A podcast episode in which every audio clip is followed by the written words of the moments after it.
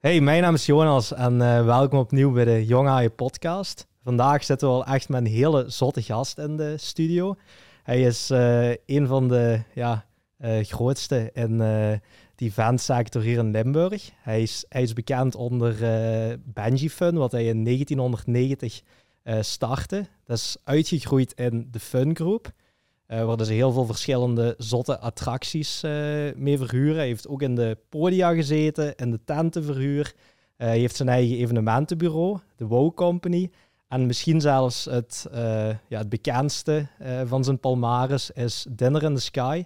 En daarmee verzorgt hij etentjes, zowel lunch als diner, op 50 meter hoogte. Blijkt een heel zot concept te zijn. Ik heb het nog nooit gedaan. Maar ik ben uh, heel benieuwd om daar ook eens uh, in te duiken vandaag met uh, Stefan Kerkhoffs. Welkom in de studio. Goedenavond. Fijn dat je er bent. Met veel plezier. Ik vond het heel leuk. je belde me op. Je was meteen ook enthousiast van een keer naar hier te komen. zeker ook omdat die, allee, je zei van, kijk, die jongeren, die, die, die gasten die op dit moment allee, starten in het ondernemerschap. Um, ik vind dat wij die die kennis van ons zelfs als iets meer ervaren ondernemers uh, ja, toch ergens moeten doorgeven. En uh, ik weet vroeger nog als, ik werd er altijd door getriggerd als wij naar Hasselt reden. Had je aan de linkerkant, hè, in Zonhoven, had je altijd zo ja, zotte attracties buiten staan. Ik, ik wist eigenlijk nooit goed wie of wat erachter zat. Uh, maar zoveel jaren later zit ik dus een beetje met, met een eigenaar die daar, die daar dus in Zonhoven mij altijd zo wat triggerde. Eh, een keer in de studio voor een gesprek. Dus, uh... Maar kijk, met veel plezier doen we dat. En inderdaad, ik vind dat we als ervaren ondernemers onze uh, ervaring moeten delen met de jongere generatie. vaak wordt er gezegd dat de jongeren kunnen leren van de ouderen. Maar tegenwoordig is in deze tijden is het ook vaak andersom. Hè. Ja. Wij als oudere generatie kunnen ook best wel heel veel leren van de toekomstige generatie omdat uh, de wereld verandert toch eigenlijk wel heel erg snel. Dus wat dat betreft, met veel plezier vanavond hier. Oké, super. Stefan, ik ben benieuwd van um, waar is voor u een beetje begonnen? Kunt je ons eens een keer helemaal mee terug in de tijd nemen naar, ja, ik denk jonge Stefan. Uh, Waar word je mee bezig? Hoe, hoe zijt jij uiteindelijk dan, ik denk 1990 Benji Fun. Uh, hoe zijt je daarbij gekomen? Uh, had je daar iets mee met... Uh... Nee, helemaal niet. Integendeel, maar ik, ik moet eigenlijk een beetje teruggaan naar de familiehistorie. Ik ben eigenlijk opgegroeid in een ondernemersfamilie, okay. waarbij dat we eigenlijk thuis altijd zaken gedaan gehad hebben, in, in, diverse branches. natuurlijk de, de bekendste was bij ons de montage en het constructiebedrijf. Mm -hmm. daar werkte alles bij elkaar, een klein 90 mensen. Oh. Daarnaast hadden we dan ook een kraanbedrijf. Um, we hebben dan uiteindelijk eigen kranen gehad voor die montages te kunnen doen. Uh, daarnaast hadden ze bij ons een heel bekende discotheek. de mensen die een beetje van mijn leeftijd zijn, die gaan de Concorde in Zonhoven wel kennen. Dat was legendarisch, want mijn vader heeft eigenlijk het maandagavond uitgaan uitgevonden. Er okay. was nog geen enkele zaak, horecazaak, die op maandagavond open was. En ik moet zeggen, hij heeft daar zeer succesvol. Hey, mijn ouders, alle twee eigenlijk, zowel mijn vader als mijn moeder. En dan, um, uh, ik was eigenlijk niet de beste leerling op school. Uh, leren was niet mijn, mijn ding helemaal. op een bepaald moment ben ik dan mocht ik bijverdienen en was ik garçon in de discotheek. En ben ik ook DJ geworden. En op die manier, door het feit dat die maandagavonden zo succesvol waren, hadden we op school gevraagd om dinsdagochtend vrij te krijgen. Maar mhm. dat ging niet. Vroeger was dat ook zo in de boeren. Uh, stil. Mm -hmm. Als de zoon van een boer uiteindelijk in de tijd van de oogst, dan mocht hij tijdens de oogst thuis blijven. We dachten dat dat ook kon geregeld worden, maar dat kon niet. Ai. En ja, op mijn zestiende was ik dan eigenlijk toch niet de beste leerling. En mijn toekomst lag eigenlijk in het constructie- en het montagebedrijf. Dus waardoor dat ik eigenlijk uh, thuis meer kon leren dan op school. Dus ik ben eigenlijk op mijn zestiende gestopt met naar school te gaan. Mm en dan ben ik vervoegd naar het leger gegaan. van het leger ben ik dan uiteindelijk thuis begonnen. En daar hebben ze mij eigenlijk eerst een jaar lang elke dag naar een werf gestuurd. Morgens om vijf uur het busken mm naar Brussel met allemaal de werkmensen rond mij. Um, ah, toen had ik eigenlijk al heel snel door dat het toch niet helemaal mijn ding was. omdat ehm, ik uh, ben te ambitieus uh, en ik denk dat ik te, te ondernemend ben. Maar het mhm. was wel een heel goede leerles om vooral uh, uzelf te kunnen verplaatsen in de werkende mens die dan toch wel eigenlijk de kilometers vreet is om vijf uur en die dan toch eigenlijk wel Hartlebeur zowel in weer en wind meegemaakt hebben. Dus het was mhm. goed dat ik dat gedaan heb. Ja. Uh, dan ben ik eigenlijk in de, in de winter terechtgekomen en uh, ik vond dat uh, de kranen die we thuis hadden, dat die eigenlijk te veel stil stonden. Mm -hmm. Dus dan ben ik op eigen initiatief ben ik een kraanverhuurbedrijf okay. gaan spelen. Mm -hmm. Wel met tegenzin van mijn ouders. maar uiteindelijk, ja, ik had zoiets van, hey, daar moet een beter businessmodel achter zitten ja. dan hetgeen wat vandaag is. En uiteindelijk, uh, vijf jaar later, uh, had ik twintig kranen op het pad staan. Weliswaar met de investering van mijn ouders. Maar uiteindelijk was ik er toch al vrij jong in geslaagd om een succesvolle business uit te bouwen. Mm -hmm. Ja, en dan, um, ja, dan komt uh, natuurlijk op een bepaald moment van, van het moment dat je succesvol bent, dan komt er een aanbieding. Mm Mijn ouders kregen op een bepaald moment een aanbieding vanuit Nederland om de bedrijven volledig over te nemen. Oké. En dan hebben ze uiteindelijk thuis beslist om alles te verkopen. En zijn ze, uh, zijn we overgenomen geworden door een Nederlandse groep. Ja, met het resultaat dat ik eigenlijk naar mijn vrijheid, die ik in al die jaren opgebouwd had, mij in één keer moest beginnen te rapporteren Ai. naar uh, een aandeelhouder of naar een, een nieuwe baas. En dat zag ik dan toch niet zo helemaal zitten. Dus met het resultaat dat ik eigenlijk drie maanden voor de Nederlanders gewerkt heb. En dan ben ik uiteindelijk voor uh, mezelf begonnen. Oké, ja. En dus die, die, die kranen zijn dan ook meegegaan? Of heb je die daar toch op de een of andere manier dan nog... nog... Nee, eigenlijk, eigenlijk is, is, het, uh, is het heel raar gelopen. Is dat tijdens het, de kraan bedrijf carrière, mhm. was er eigenlijk een uh, bedrijf uit Frankrijk, uh, de braderij in Heuse Zolder, die jaarlijks met spectaculaire dingen uitpakte. Die kwamen voor de eerste keer met een Benji, en ik praat dan eigenlijk over 1989. Mm En die waren thuis geweest om de kraan te, te mogen huren. En omdat het uh, elastiekbedrijf uit Frankrijk, die kwamen wel met materiaal, maar je moest lokaal een kraan huren. Ja toen had ik gezegd van, weet je, ik ga die kraan huren en als dat komt, dan ga ik zelf ook springen. En dan, hm. uh, dat was de deal die ik erin gemaakt had. Ik lever de kraan, maar ik mag wel springen. Uh, is goed. Uh, de dag dat het zover was, uiteindelijk onze kraan was niet hoog genoeg, dus we hebben die niet geleverd gehad. Maar ik had dan toch al tegen al mijn vrienden verteld van, weet je, kijk, ik ga Benji springen. Dus ik met een grote mond daar uiteindelijk naartoe.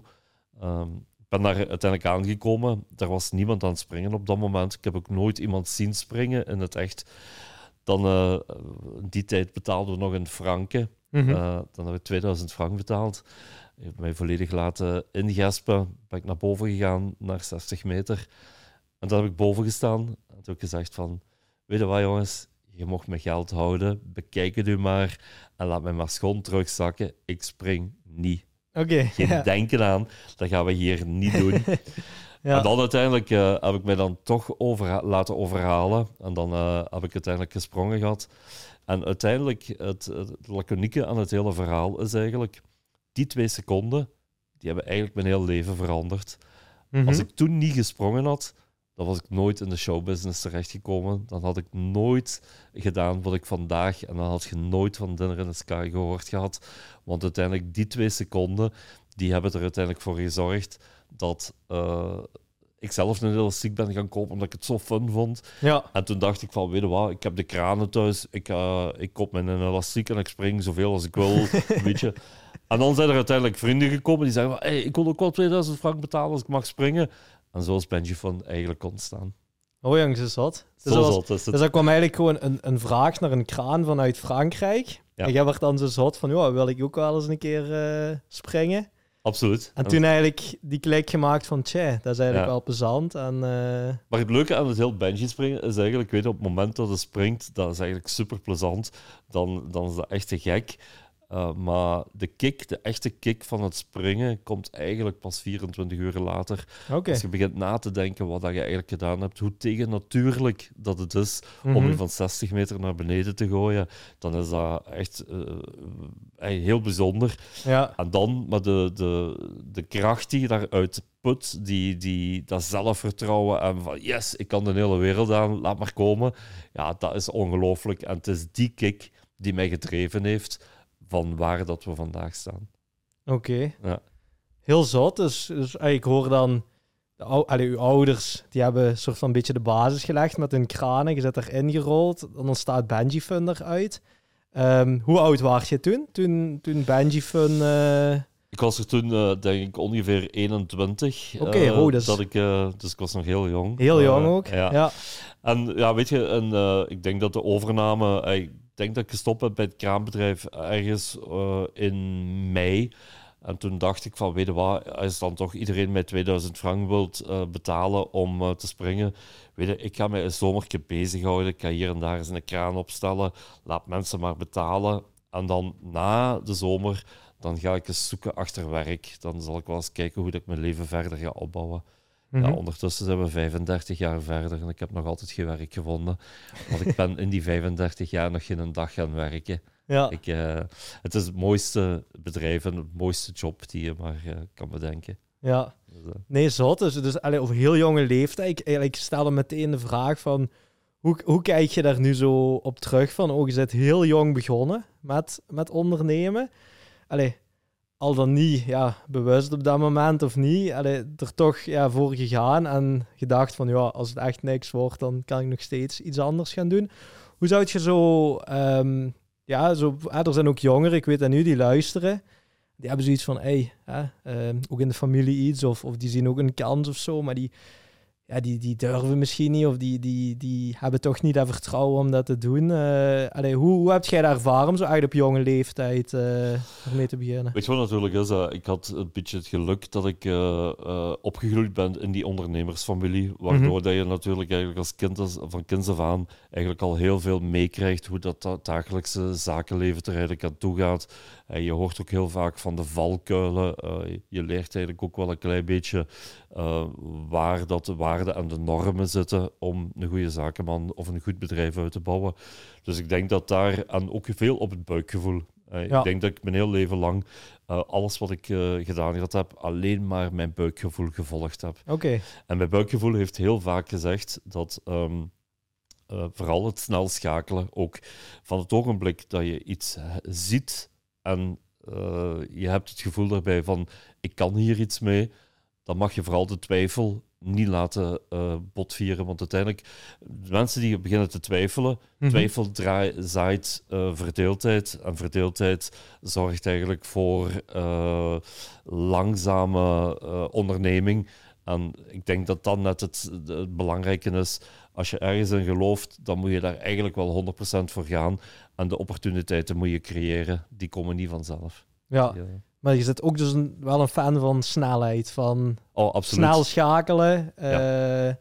Allee, wij van spreken vandaag een idee hebben, morgen het allee, uh, willen maken en overmorgen het in de markt. Uh... Ik, ey, vandaag is de wereld wel een stuk langzamer geworden. Ey, voor corona in 2019, dan leefden we tegen 300 km per uur. En s'morgens bedachten we een idee en s'namiddag zaten we eigenlijk al aan de tekentafel en hadden we eigenlijk al de eerste productie in actie gezet vandaag bedenk je een idee en dan mag je blij zijn als je drie maanden later je offertes bij elkaar hebt. En dan, maar het, het grote nadeel daarvan is, is dat dan ook heel vaak het enthousiasme al weggeëpt ja. is.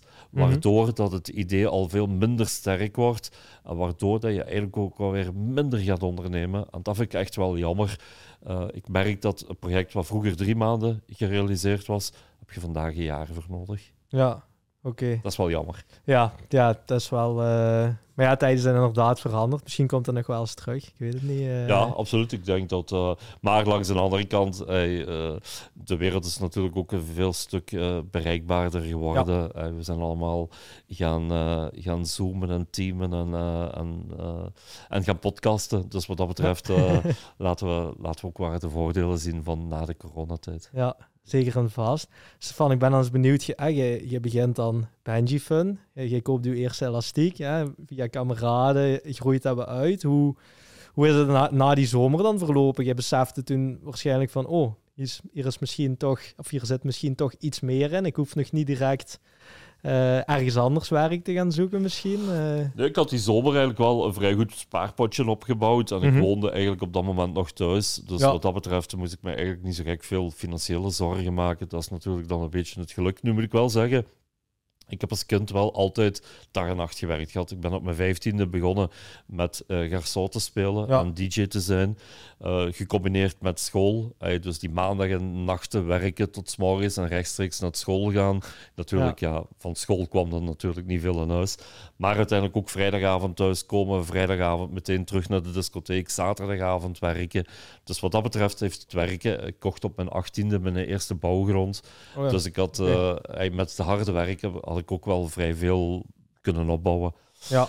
En dan uiteindelijk, uh, het moment dat wij uh, verkochten, uh, was ik heel toevallig in aanmerking gekomen op een van de events met de manager van Def Dames Dope. Een bekende meidengroep in de mhm. jaren 90. vijf nummer 1 hits gescoord. En die zochten eigenlijk een tourmanager. Okay. Een tourmanager die uiteindelijk ruimte had en tijd had om met de dames van A naar B rond te rijden. En op dat moment had ik eigenlijk wel wat tijd. En ik had een uh, Pontiac-wagen. daar, daar konden makkelijk vier vrouwen in. En ehm, ik was zo slim geweest om op de zijkant uh, grote reclame van Benji Fun te zetten.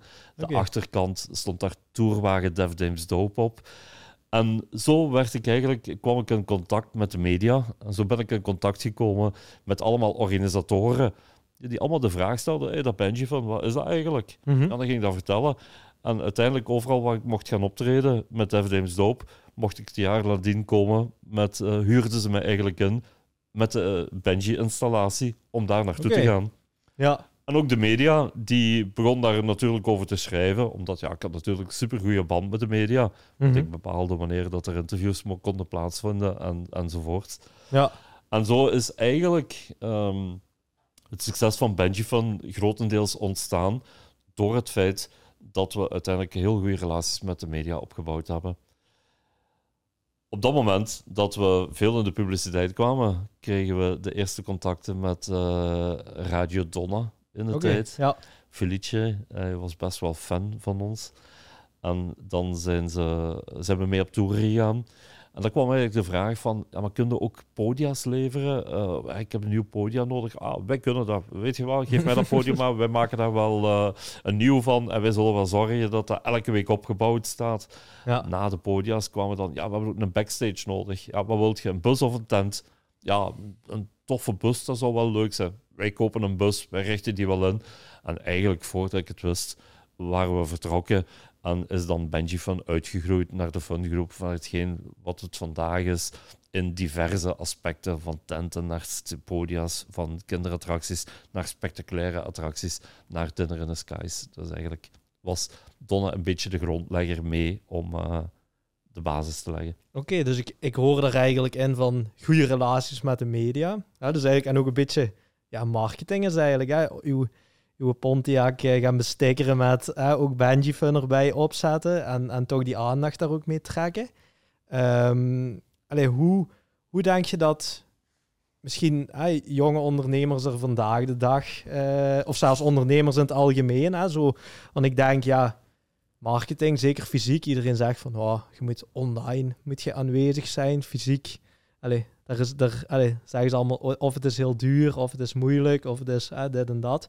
Um, maar ook langs de andere kant, ja, uh, contacten met de media houden. wat denk ik ook niet te onderschatten is. Uh, ja, weet je, natuurlijk, vandaag is de wereld, ziet de wereld er heel anders uit. Hè? we hadden toen nog geen internet uh, als we 1990 spraken, of toch tenminste niet op, op deze schaal. Mhm. uh, uiteindelijk, de media was de enige manier waarop dat, je uiteindelijk in de kijker kon werken. Okay. omdat je had dan ook net VTM. VTM bestaat nu ook 35 jaar.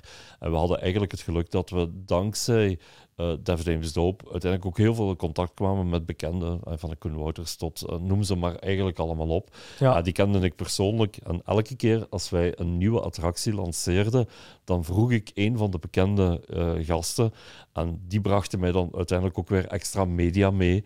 Waardoor mhm. dat je uiteindelijk constant op radio, televisie en kranten verscheen. En zo bouwt je uiteindelijk een populariteit uit, die dan uiteindelijk ook nog de grote massa aanspreekt. Omdat het ook extreem is natuurlijk wat dat je doet. En op die manier zijn we ook in contact gekomen met John de Mol in Nederland. Ja. Want daar had je de Staatsloterijshow. Een Staatsloterijshow is een show waar heel veel spellen in zaten. En mhm. laten wij nu net heel creatief zijn met nieuwe spellen en altijd zoekend zijn naar nieuwe initiatieven. En op die manier zijn we uiteindelijk uh, vaste huisleverancier geworden bij John de Mol. Oh ja. En uh, dankzij John de Mol, uh, die hebben dan op een bepaald moment de staatsloterijshow verkocht aan de BBC. Mm En zo zijn we uiteindelijk vier maanden terechtgekomen in Londen, waarin dat we vier maanden lang elke vrijdag voor 10 miljoen kijkers live uh, onze spellen mochten uh, presenteren. Met dan ook weer heel bekende, van een Robbie Williams tot een Elton John tot een George Michael. Die zaten allemaal in die programma's. En zo bouwde je weer opnieuw de relaties. En ja, dan in één keer komt de wereld open. Ja, en dan Amai. zitten er geen grenzen meer. Ja, ja het is echt zot. Uh, het is een... En als je me de vraag stelt van kan dat vandaag nog, de wereld ziet er vandaag qua media helemaal anders uit. Mhm. En je hebt nog gelukkig dit soort uh, mediakanalen. maar uh, de media is natuurlijk ook een, een, een, een ja, ik heb, ik heb, er ook schrik van gekregen. Ja. Ik ben er ook bang van, want in, de, in de hele affaires, wat, wat je vandaag toch in medialand hoort, en vooral met de Voice in Nederland en toestanden, dan is het toch wel op eieren lopen om toch maar niks verkeerd te doen. Want ongeacht wat dat je doet, de macht van de media is on, onkennelijk. We hebben het vandaag nog gezien met het uh, asset-verhaal. Ja. Eh, het is vandaag uitgesproken. En dan maakt, daar word ik bang van. Ja, ja, ja klopt. Ik, heel voorzichtig in geworden. Ja, want ik denk, het kan, ja, het kan heel positief uitdraaien, maar het kan soms ook... Allez, je kunt ook echt de grond ingeboord worden via de... Ik heb altijd gezegd, de media kan uw beste vriend zijn, uh, zolang het goed gaat. Maar de dag dat het fout loopt, zal de, de media uw grootste vijand worden. En tot nu toe hebben we eigenlijk altijd geluk gehad. We hebben ook de media altijd met heel veel respect behandeld. Mhm. Dus dat wil zeggen dat als wij uh, persconferenties uh, hielden, dan was het ook de moeite om te komen. Hey, ja. Omwille van de bekende gast, maar ook omwille van het spektakel. En we zijn altijd heel eerlijk en heel correct geweest naar de media. Hey, ik denk dat degenen die de spelletjes spelen, dat die uiteindelijk op den duur toch wel de rekening gepresenteerd krijgen. Ja. Dat, is, uh, dat, ik niet. Nee, klopt. Dus allee, ik merk heel snel van je komt internationaal via via dan, dan uh, in contact met allee, best wel zotte, zotte mensen ook. Um, hoe is dat dan? Ah, je, komt dan in Engeland. Ah, ik, ik heb dan ook begrepen dat jij uh, ook nog bij een evenementenbureau dan nog in België. Is het dan uh, betrokken werd op een gegeven moment? Is dat dan veel later of, of valt dat er ergens tussenin? Uh... Nee, het is eigenlijk zo. weet je, wat belangrijk is, is dat als je ondernemer wil zijn, dan moet je opportuniteiten zien. Mhm. En vooral veel praten met mensen, hey, luisteren, meningen horen, maar vooral dat buikgevoel blijven volgen en uh, niet altijd uh, de mening van de mensen volgen. Het is goed dat je luistert naar de mensen, het is ook goed dat je een mening krijgt, maar toch altijd daar een eigen vorm aan, aan toegeven of aan toepassen. En dat hebben we eigenlijk altijd gedaan gehad. We krijgen opportuniteiten waarbij dat we voor Donna mogen werken. We hebben geen podiums. Weet je wat? Wij zorgen voor podiums. Wij hebben geen tenten. Wij zorgen voor tenten. We ja. wilden ook nog die artiesten vervoeren. We zijn met limo-service begonnen. Ik heb op een bepaald moment vijf limousines aan de deur gehad. En we reden eigenlijk meer met sterren rond van A naar B. En dan ga je eigenlijk de cirkel een beetje rondmaken. Mm En op die manier krijg je dan uiteindelijk een business uh, die je gaat uitbouwen. Je moet eigenlijk zien dat al hetgeen wat dat je doet, wat we heel vaak zien uh, in het ondernemen, dat heel veel mensen diverse takken binnengaan. Je moet eigenlijk altijd proberen, als je meerdere afdelingen hebt, te zorgen dat die complementair met elkaar zijn. En dat is hetgeen wat ik ook gedaan heb met het evenementenbureau. Mm op een bepaald moment vond ik dat mijn attracties te weinig ingehuurd werden door evenementenkantoren.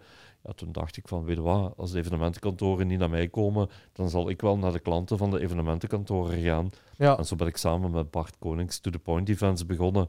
En uh, na tien jaar heb ik mijn aandelen verkocht en we stonden op dat moment op de derde plaats in de rangschikking van de Belgisch beste evenementenkantoren eh, via de ranking van... Uh, van Eventplanner en de BA. Dus ik wil maar zeggen, hey, het is een kwestie van opportuniteiten zien ja. en uh, nemen. Want dan vind ik, allee, er zijn veel, ook zeker jonge ondernemers, ook, ook mensen die op oudere leeftijd beginnen, die gaan, die gaan ze op zoek naar dat, dat gouden idee van, oh, eh, ik weet niet, ik wil een uitvinding of ik wil dit, ik wil iets, iets nieuws creëren. Maar ik hoor u ook praten over de opportuniteiten zien. Hè? Want heel veel, als ik het zo hoor, is, is ook ontstaan vanuit iemand vraagt u iets. Stefan, podia, doe jij dat ook? Ja, ja, wij doen ook podia. Podia kopen of, of bouwen of weet ik veel. Um, maar ik denk dat dat wel een hele belangrijk is om te nadrukken. Ik hoor heel veel, heel veel dingen die je vertelt van... Dat is ontstaan uit de vraag van, van de mensen. En zelfs dan in het geval dat er op sommige takken dan niet genoeg vraag was... Ja, dan gaan we mezelf een evenementenbureau starten. Waardoor dat we ook weer die vraag kunnen creëren. Maar dat we dan eigenlijk die, die tussenpersoon er ook nog, uh, er ook nog uithalen. Zou je zo, allee, um, ben ik aan het denken, is dat, is dat een beetje zo de leidraad uh, in, in uw verhaal ook? Van echt zo proberen die, die kansen te zien en daar ook op in Ik denk dat ondernemen, ik denk dat dat een paar basisregels heeft. Mm -hmm. binnen ondernemen, wat ik daar eigenlijk altijd gevonden heb, is respect. Laat dat een van de. En ongeacht naar welke uh, tak van uw bedrijf dat het is, is dat nu naar uw medewerkers, is dat nu naar uw leveranciers of is dat naar uw klanten? Mm -hmm. Ik denk dat daar eigenlijk al het, be het begint. Twee voetjes op de grond, eh, terwijl dat bij mij uiteindelijk wel uh, in de praktijk een heel moeilijke zaak is. Ja. Met een business draait natuurlijk alles wat in de lucht gaat. Maar uiteindelijk eh, realistisch blijven, niet te hoog van de toren blazen. En ik denk dat daar ook dat hij geloven in je product Hey, mm Vind ik sowieso al heel belangrijk dat je ook het uitstraalt. Maar daarnaast ook, hey, wat we zeggen uh, is wat we doen en wat we doen is wat we zeggen. Ja. Is, ik denk dat dat de gouden regel nummer één is. Is dat alles wat je belooft, dat je dat ook werkelijk kan waarmaken. En als er uiteindelijk uh, een moment komt waarbij dat het geld kost, dan moet je maar op de blaren zetten. En dan moet je niet uw klant laten opdraaien voor uw eigen fouten die je gemaakt hebt. Ik denk dat dat een hele belangrijk is. Dat vertrouwen winnen op alle momenten van een dag en van een nacht. En natuurlijk, ondernemer ben je niet uh, acht uur per dag. Hè ondernemer ben je 24 op 24. Hè? Ja. Ik zeg altijd, eh, daar, daar is altijd een weegschaal. En ik heb eigenlijk uh, altijd gekozen voor mijn professionele carrière. Ik heb eigenlijk vrienden, relatie en familie eigenlijk wel een beetje opgegeven. En ik, kan, mhm. ik, ik, zou het vandaag onmiddellijk opnieuw doen op deze manier. Maar uiteindelijk succesvol zijn in uw zaken en succesvol zijn in uw privéleven dan moet je verdomd al geluk hebben dat je de juiste persoon tegenkomt. Maar er is altijd een overwicht uh, van het ene naar het ander. Ofwel te veel family man, ofwel iets te veel businessman. Dus als je daar uiteindelijk vandaag, en de jongeren van vandaag, die zijn zeer uh, erg gehecht aan de quality time. En, maar dat heeft zijn prijs.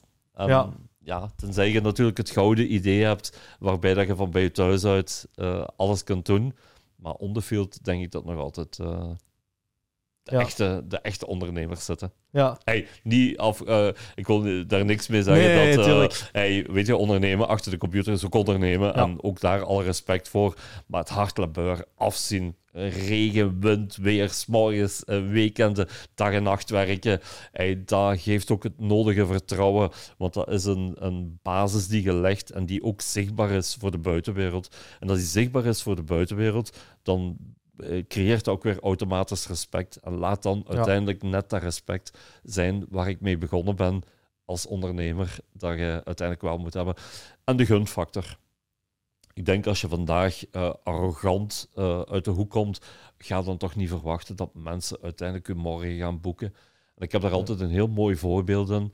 Als ik in een frituur binnenkom en uh, degene die achter de balie staat en die zegt van hey, goedenavond, mag, wat mag het zijn? Zeg het eens. Mm -hmm. Alles goed?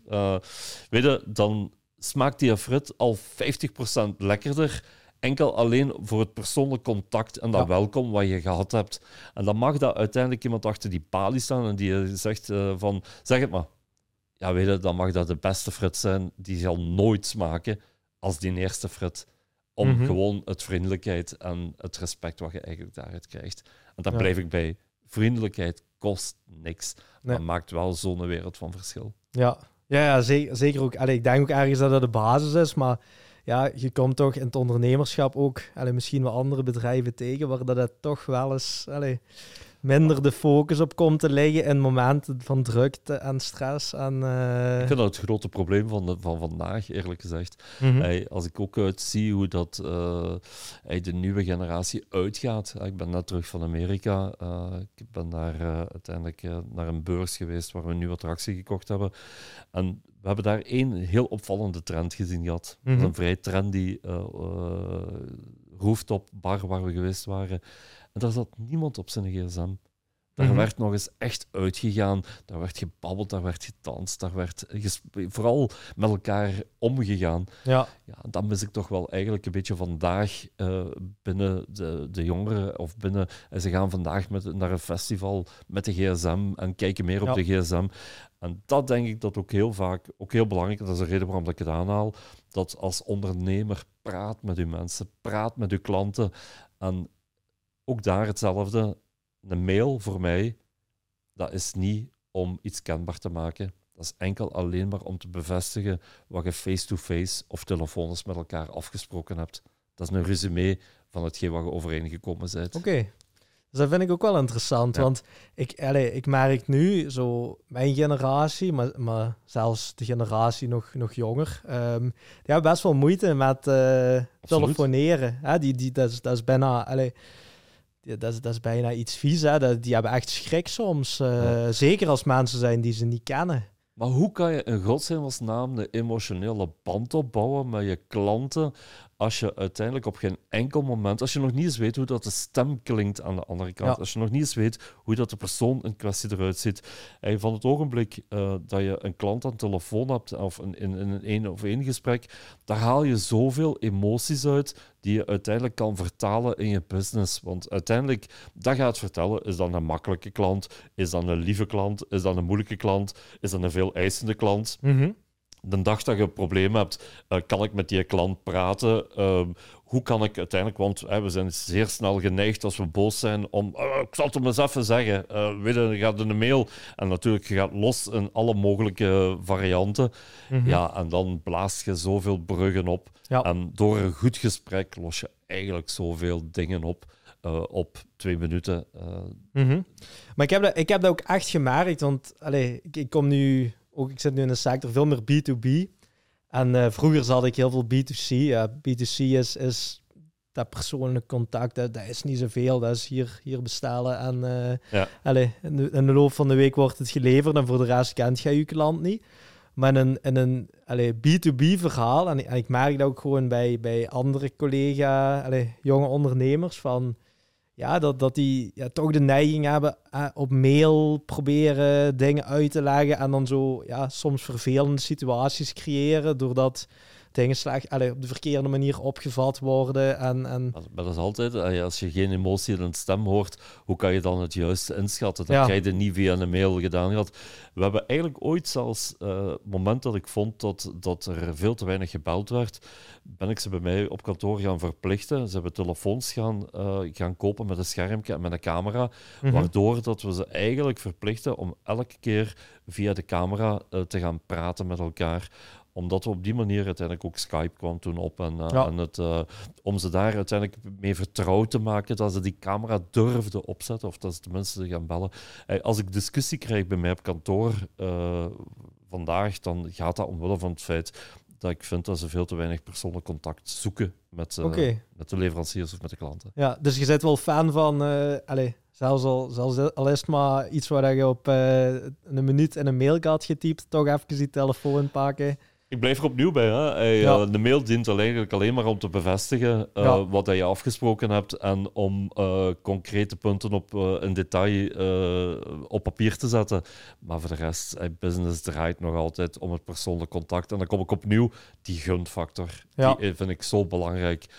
ook al is morgen een leverancier duurder, maar als het een vriendelijke mens is en je gunt die en dat, dan doet het dat met plezier en dan betaalt graag iets meer. Ja. Want dat is uiteindelijk ook een gegeven. Mensen die uiteindelijk andere mensen uitknijpen, het werkt niet. Het, mhm. komt, het is een boemerang die terug in je gezicht komt. Gewoon door het feit dat je uiteindelijk je wil zelf niet uitgeknepen worden. Wat ga je dan in godshemelsnaam met je leveranciers doen? Ik weet één ding.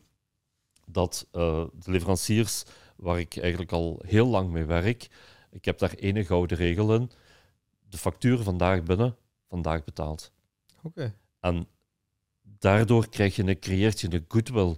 Want wat wilt je nu verwachten van een leverancier? Dat als je die 30, 60 of 90 dagen op zijn geld laat wachten, dat hij uiteindelijk morgen, als je een noodgeval hebt, dat hij voor u gaat springen? Ik denk het niet. Mm waarom, zou een waarom zou je het in godsnaam doen? Dus wat dat betreft heb ik de gouden regel.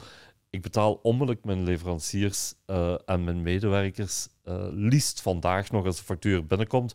En ik denk, ik kan zelfs vanavond zeggen, van kijk, bij mij ligt er geen enkel onbetaalde factuur op eh, het moment dat ik naar hier gekomen ben. Oké. ja. Maar het is wel zo, als ik je op zaterdag nodig heb of op zondagnacht, ik bel u wel uit uw bed. Want dat is hetgeen wat ik dan wel vind dat ik mij kan permitteren. Ja. Dat ik zorg goed voor u, maar jij zorgt goed voor mij op het moment dat ik u nodig heb. Ja.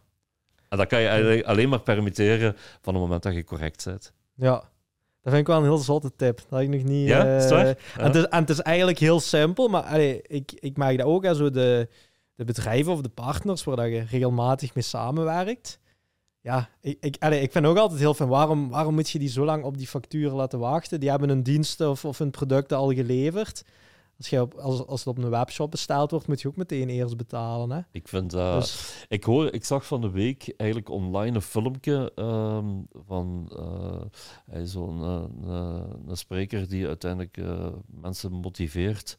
En ehm, hoe fantastisch zou het zijn als we een bedrijf zouden kunnen runnen waarbij dat we uiteindelijk de facturen uh, betaald krijgen voordat we de job uitvoeren. Ah, wel, ik mag zeggen, ik heb zo'n bedrijf. Ik mhm. eh, betaal mijn mensen uh, en leveranciers stand DPD, maar ik eis ook van mijn klanten dat ik op voorhand betaald word. Want laten we natuurlijk ook eerlijk zijn, binnen de evenementensector zit je in een sector waarbij dat je uiteindelijk ehm, ook heel veel, vaak met cowboys te doen hebt. Mm mensen die het allemaal fantastisch en groot en geweldig vinden, waardoor dat je uiteindelijk ook wel risico's loopt, dat je uiteindelijk ook, als het niet goed loopt, hè, slecht weer of geen opkomst van volk of weet ik veel wat er misloopt, dat je als leverancier ook niet betaald wordt. Dat risico dat neem ik op geen enkel moment.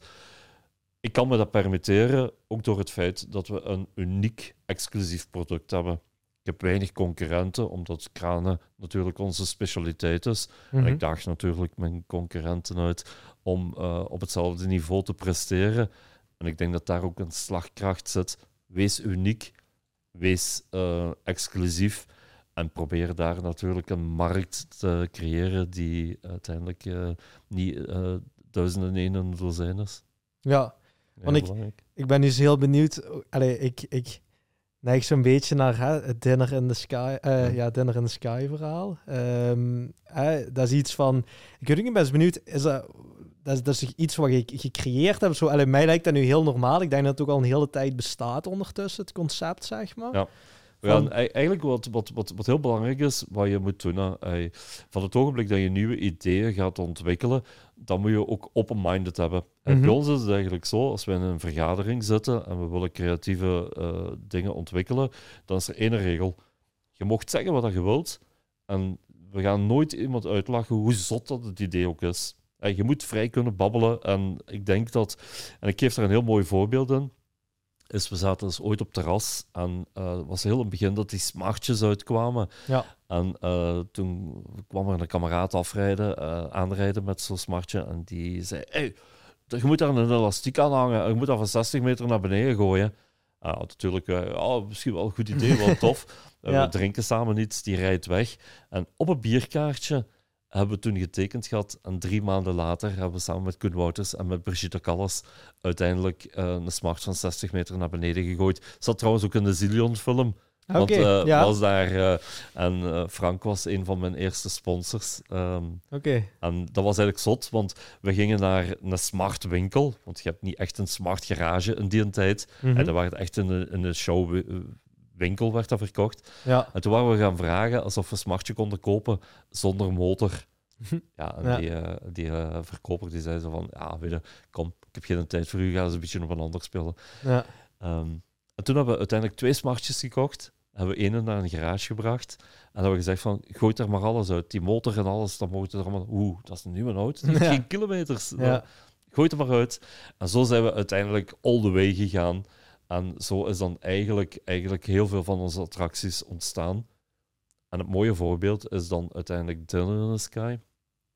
We stonden met een plateau op uh, Pukkelpop, waar je met 24 mensen gewoon kunt opzetten en mee naar boven gaan.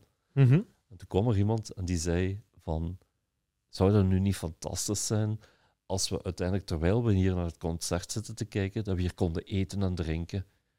En toen zijn we beginnen na te denken, eten, eten in the sky, drinken, dinner, dinner, dinner in the sky. Hey fuck, als we nu eens een tafel ontwikkelen met een keuken in het middenin, met stoelen daar rondom, we hangen dat aan een kraan en we gaan inderdaad dineren op 50 meter hoogte. Mm -hmm. En ik denk dat we zes maanden later de première hadden in Brussel, okay. waar dat we Dinner in the Sky uiteindelijk ja. presenteerden. En het leuke van het hele verhaal was, was dat uiteindelijk op het moment dat we Dinner in the Sky presenteerden, was er uiteindelijk nog maar net opkomend uh, internet. En we presenteren smiddags de persconferentie met 22 sterrenchefs. En diezelfde avond kregen we onze eerste aanvraag vanuit Amerika, van Yahoo, alsof we Oh ja. naar New York konden komen met een Dinner in the Sky.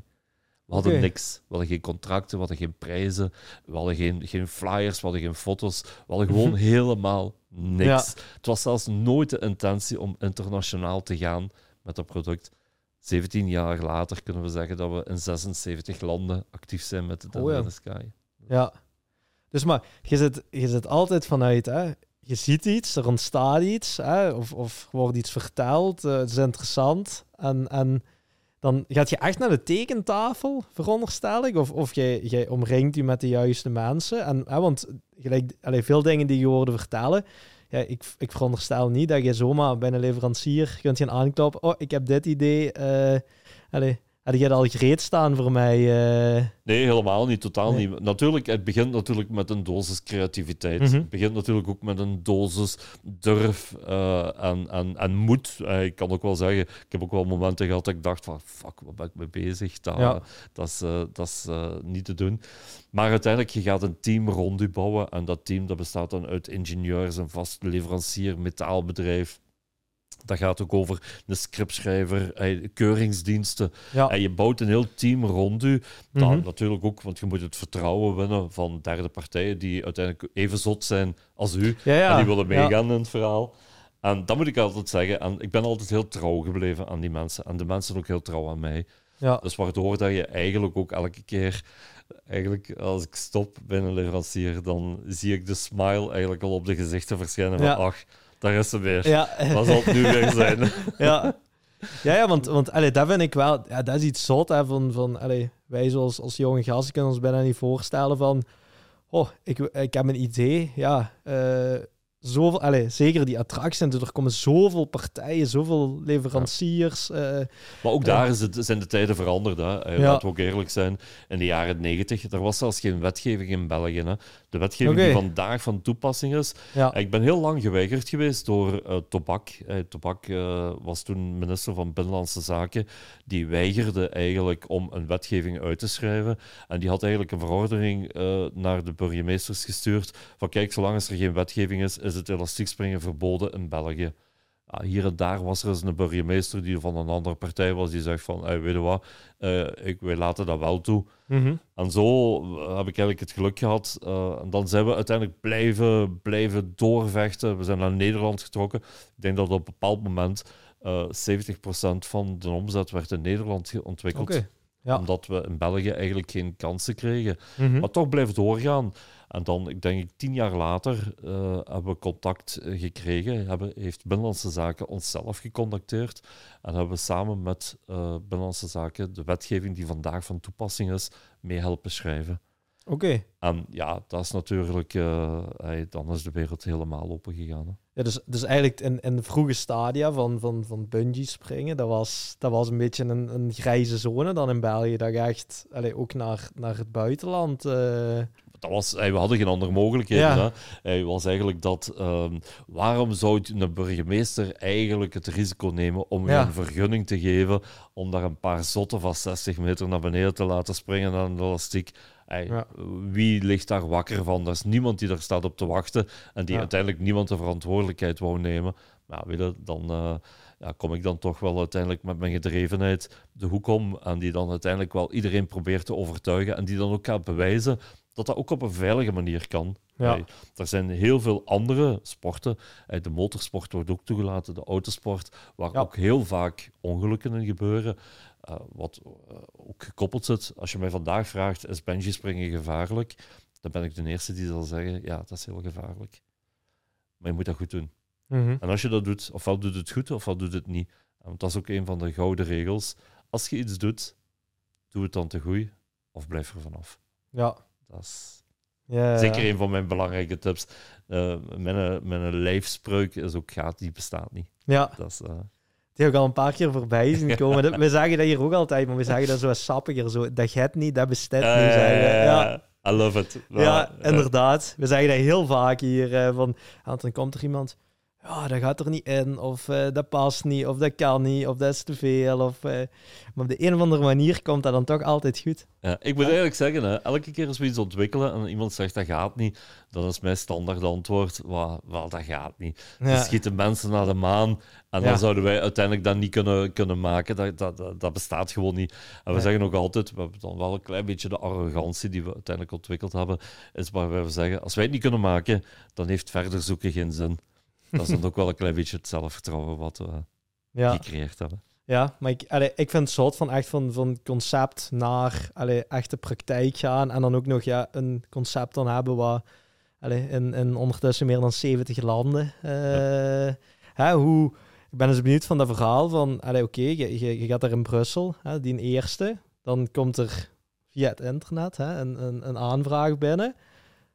Wat, is er toen gebeurd? Want moest je dan ook, allee, veronderstel, je hebt, je hebt dan één, zo'n, zo'n, dat is eigenlijk denk ik een, een, een, tafel die onder een kraan hangt, hè? maar dat, dat moet dan ook waarschijnlijk gedemonteerd en dat moet vervoerd worden, dat moet in een container geduwd of dat moet op een schip belanden of ik weet niet wat. Allee, uh... Je, haalt, je haalt eigenlijk een heel leuk uh, argument aan, is eigenlijk dat wat we heel vaak zien bij ondernemers, vandaag is dat al iets minder, maar in die tijd uh, denken, dachten ondernemers uh, binnen de, de gemeentegrenzen, mhm. binnen de provinciale uh, grenzen of binnen de landsgrenzen. Wat eigenlijk altijd heel frappant is. We zagen in die tijd, of als Belgen, zijn we bereid om 200 kilometer te rijden naar Oostende en naar Brugge en noem het maar op, of naar Blankenberge. Maar we zijn niet bereid om 200 kilometer te rijden richting Amsterdam want we passeren een lommel de grens. En mijn grensgebied, ah, onze intuïtie zegt: oké, okay, ik ga het buitenland doen. dat, is, dat is niet waar, waar mijn businessmodel op, op geschaald is. Mhm. Maar wat maakt het uit als je nu 200 kilometer richting uh, Blankenberge rijdt, of 200 kilometer richting Amsterdam, of 200 kilometer richting, uh, richting Keulen? En daar denk ik dat heel veel mensen zichzelf beperkt hebben in mhm. het ondernemen. Vandaag, dankzij het internet en via, uh, zijn er natuurlijk heel wat meer uh, opportuniteiten. Maar uiteindelijk, je moet het uh, exporteren, is helemaal niet zo moeilijk. Want mhm. uiteindelijk, hoe gebeurt het bij ons? Als we een dinner in the sky ontwikkelen, wij laten die fabriceren wij assembleren die zelf bij ons. We zorgen dat alle componenten verzameld worden bij ons op, de, op het hoofdkantoor. Mhm. Wij steken alles in een 40-voet container. Die uh, zeecontainer die wordt verscheept naar het buitenland. Die komt tussen de drie en de zes weken later aan, eender waar in de wereld. En dan uiteindelijk vlieg je met een team over en ga je uiteindelijk daar de lokale mensen trainen en ga je uiteindelijk uh, je business, ga je zorgen dat er eigenlijk over heel de wereld 76ste van Kerkos zijn. Uh, of okay. uh, David Gijsels, wat mijn zakenpartner is binnen Dinner in the Sky. En dan is eigenlijk exporteren helemaal niet zo moeilijk. Maar je moet uiteindelijk niet denken binnen de grenzen. Nee, maar dat is zelfs nog iets, allee, inderdaad, met het internet. Het is, het is veel gemakkelijker eigenlijk nog geworden vandaag de dag om, om internationaal. Je hebt een, allee, de zaken. Je hebt een Google Translate, je hebt... Je hebt allee, ah ja, met uh, ChatGPT. Ah, je hebt, je hebt, je hebt duizend freelancers die je kunt inhuren, die native... Uh, die, allee, je moet weten, en je moet natuurlijk ook... Uh, en dan moet je, moet je eigenlijk een beetje een internet-hit hebben. Hè? We mm -hmm. hebben met Dinner in the Sky, door het feit dat we in 76 landen zitten, hebben we natuurlijk ook het verhaal dat elke keer als we in een land terechtkomen wij, wij, moeten niet naar de media bellen. We moeten gewoon laten weten van kijk, we zijn er of, of ze komen het te weten. En de media komt eigenlijk vanzelf naar ons toe. Um, wat uiteindelijk op die manier eigenlijk ook wel creëert dat we ondertussen, ik denk dat we richting het miljard views gaan. Oh ja. Als we alle, uh, we hebben één filmpje uh, dat voor het moment bijna 200 miljoen views heeft. Um, dus die publiciteit die kan je niet kopen, die kan je niet krijgen. Die kan je alleen maar genereren door uniek te zijn en met iets exclusiefs te komen en dat te koppelen aan bekende mensen, aan bekende locaties. Hey, ik heb uh, in, um, in, in, Monaco gestaan gehad, uh, waar dat we samen met Prins Albert al drie keer aan tafel gezeten hebben. Hm. Ja, weet je, dat is een man uh, waar ik vandaag kan niet zeggen dat wij elkaar kennen of dat we vrienden zijn, helemaal niet. Maar ik heb er wel drie uur mee aan tafel gezeten gehad en we hebben gebabbeld gehad gelijk wij, uh, uh, jij en ik, met elkaar aan het babbelen zijn. Mhm. Ja, en dat brengt dan uiteindelijk zo ongelooflijke beelden met zich mee, die dan uiteindelijk weer zo uh, dromerig zijn, waardoor dat je weer nieuwe opportuniteiten krijgt. Ja, en ik hoor u heel duidelijk, je hebt wel echt een, ja, een een afgeleid businessmodel. Je gaat, ik, ik veronderstel, je, je verkoopt ergens het, het concept of zo. En er wordt dan wordt er een nieuwe Dinner in the Sky tafel of allee, uh, ding om onder de kraan te zeg maar, gebouwd. Dat wordt in een container geduwd. Je gaat er dan opleiding geven. En hoe, hoe zit het dan precies? Moet, gaat je dan met je eigen personeel? Blijft je dan naar daar komen? Of richt je daar iets lokaals op? Of hoe, uh... het is eigenlijk zo dat uh, een partner die bij ons... Uh, wat wij vooral eigenlijk doen, wij geven exclusiviteitscontracten. Mhm. Elke keer als wij dus een land krijgen waarbij dat een partner zich presenteert, dan gaan we die natuurlijk eerst onderzoeken. Hoe capabel is die? Hoe geïnteresseerd is die? Want uiteindelijk, onze slechtste klanten zijn de rijkste mensen.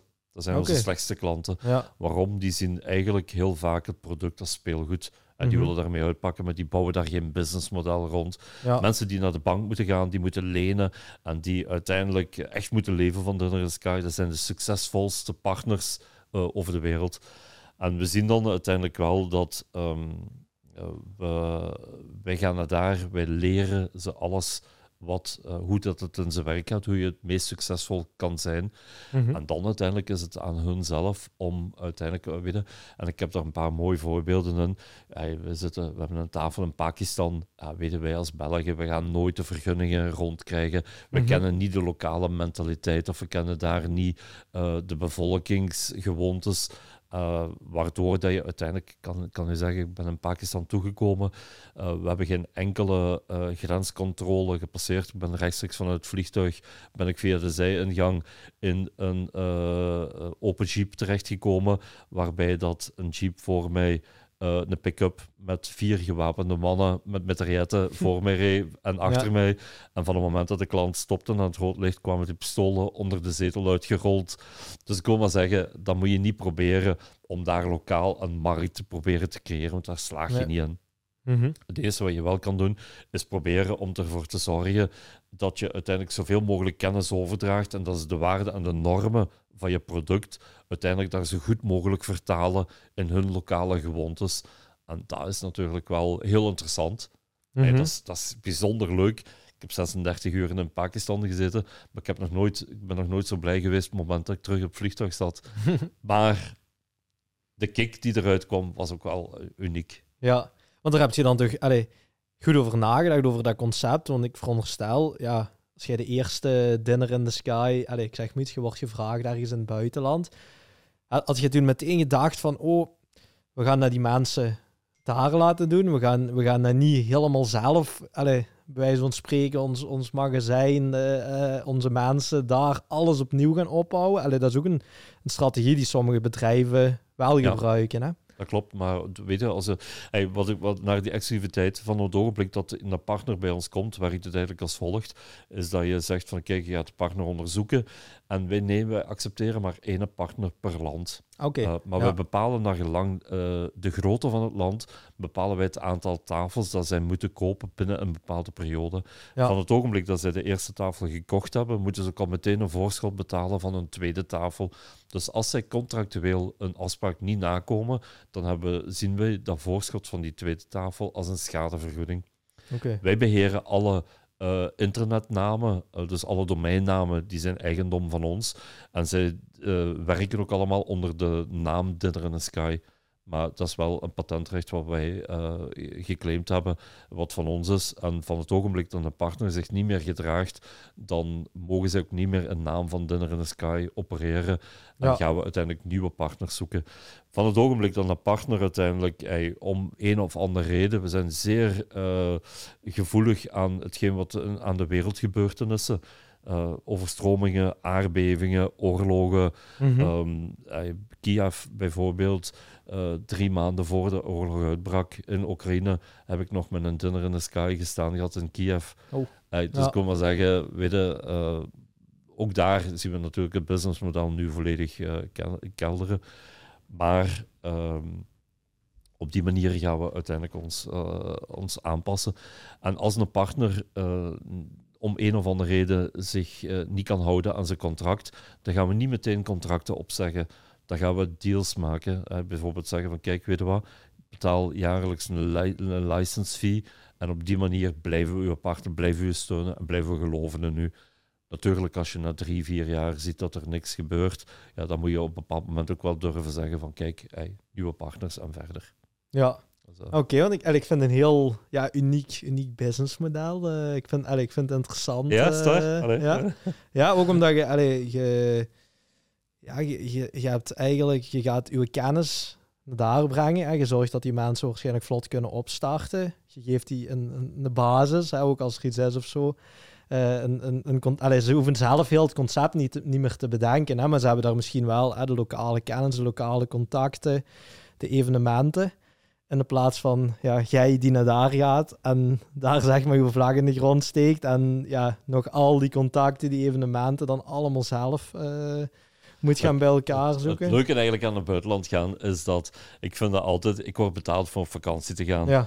Ja, ondertussen heb je dan ook wel wat, wat er zijn twee dingen wat ik, wat ik heel belangrijk vind. De kwaliteit van de manier van vliegen. Omdat als je aan, aan dat tempo vliegt, ja, dan wil ik business vliegen, dan kan ik niet. Dat, dat kan ook economie onmogelijk, omdat je heel vaak, we hebben periodes gehad dat ik drie dagen in België was en dat ik weer de hele andere kant van de wereld uitvloog. Uh, daar aan een hotel. voor mij moet een hotel kwalitatief zijn, ja. omdat de rust en de slaap en de verantwoordelijkheid die je draagt, dan moet je ook kwalitatief uh, u, u, kunnen, kunnen overnachten. Ja. dat zijn, en voor de rest werken we eigenlijk een volle zon, dag en nacht, 24 op 24 als het moet, uh, maar wel aan de lokale gewoontes. En soms is het heel erg aanpassen. En ik kan u zeggen dat ik begin heel zwaar geworsteld heb. Ja.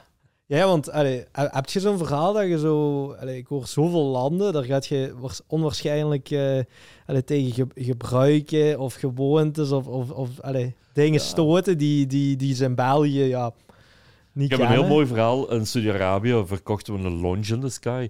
Lounge mhm. in the Sky is gebaseerd op een, op een hele mooie bar. Uh, centraal op een heel groot platform met acht eilandjes, waarbij dat je met vier stoelen per eiland zit. Dus 32 mensen. Dat is echt ontwikkeld met een topbar, er alles erop en eraan. En we stonden eigenlijk klaar en ik zeg van, kom aan mannen, hey, hè. we gaan uh, zo meteen naar boven. Ja. En uh, hij uh, bleek er helemaal geen alcohol te zijn, want je mocht in Saudi-Arabië ah, en je mocht helemaal geen alcohol drinken. Dus nee. daar werd de thee geserveerd, maar het heette wel Lounge in the Sky. Ja. Dus daar was echt zo van, oké. Dat is een heel mooi voorbeeld waarbij dat je uiteindelijk met de westerse mentaliteit ergens naartoe gaat en de klant ook niet helemaal uh, uitlegt wat, wat eigenlijk zijn einddoelstelling was.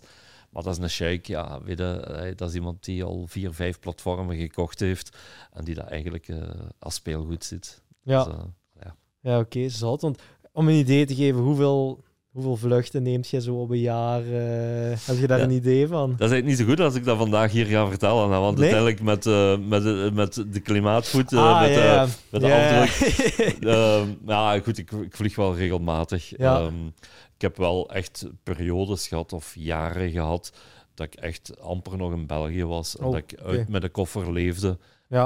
waarbij dat ik ook wel op een bepaald moment het ook wel moe was. Het mm -hmm. was ook wel tijd dat corona eraan kwam. Want dat heeft er eigenlijk ook wel voor gezorgd. Maar um, de geur van kerosine, ik kon het op een bepaald moment niet meer ruiken. Okay. Maar op, op een duur gaat het ook missen. En ik moet zeggen, na, na coronatijd ben ik heel intensief gaan genieten van hetgeen wat ik niet meer had tijdens corona. Dus mhm. elke vlucht, elke luchthaven, elk land waar ik in terecht kom nu, dat is, uh, dat, dat, is precies of pak je moment, geniet er volle tuigen van, laat je ondom, onderdompelen in de lokale uh, uh, gewoontes. Mhm. En ik kan zeggen, daar ook heel in het begin hadden we de mentaliteit, als we ergens kwamen, waar is hier een McDonald's? Ah, ik sta niet open voor de lokale specialiteiten. Tot we in Libanon kwamen, daar zei de klant van, je denkt toch zeker niet dat ik met u naar de McDonald's gaan rijden. No way. ja. En we zijn ons daar op het Libanees eten gaan, gaan storten. Tafels worden daar zeer rijkelijk gevuld. En vanaf toen hebben we de klik gemaakt. Vanaf nu bepaalt de klant wat dat we eten. En het maakt niet uit wat we, als we het niet kennen. We stellen ons daarvoor open. En met die mentaliteit kan je uiteindelijk ook zaken doen. Ja. Als je met een westerse uh, ingesteldheid naar Arabische landen gaat of naar, naar Aziatische landen, het werkt gewoon niet. Uh, nee, en dat is een aanpassing die we moeten doen.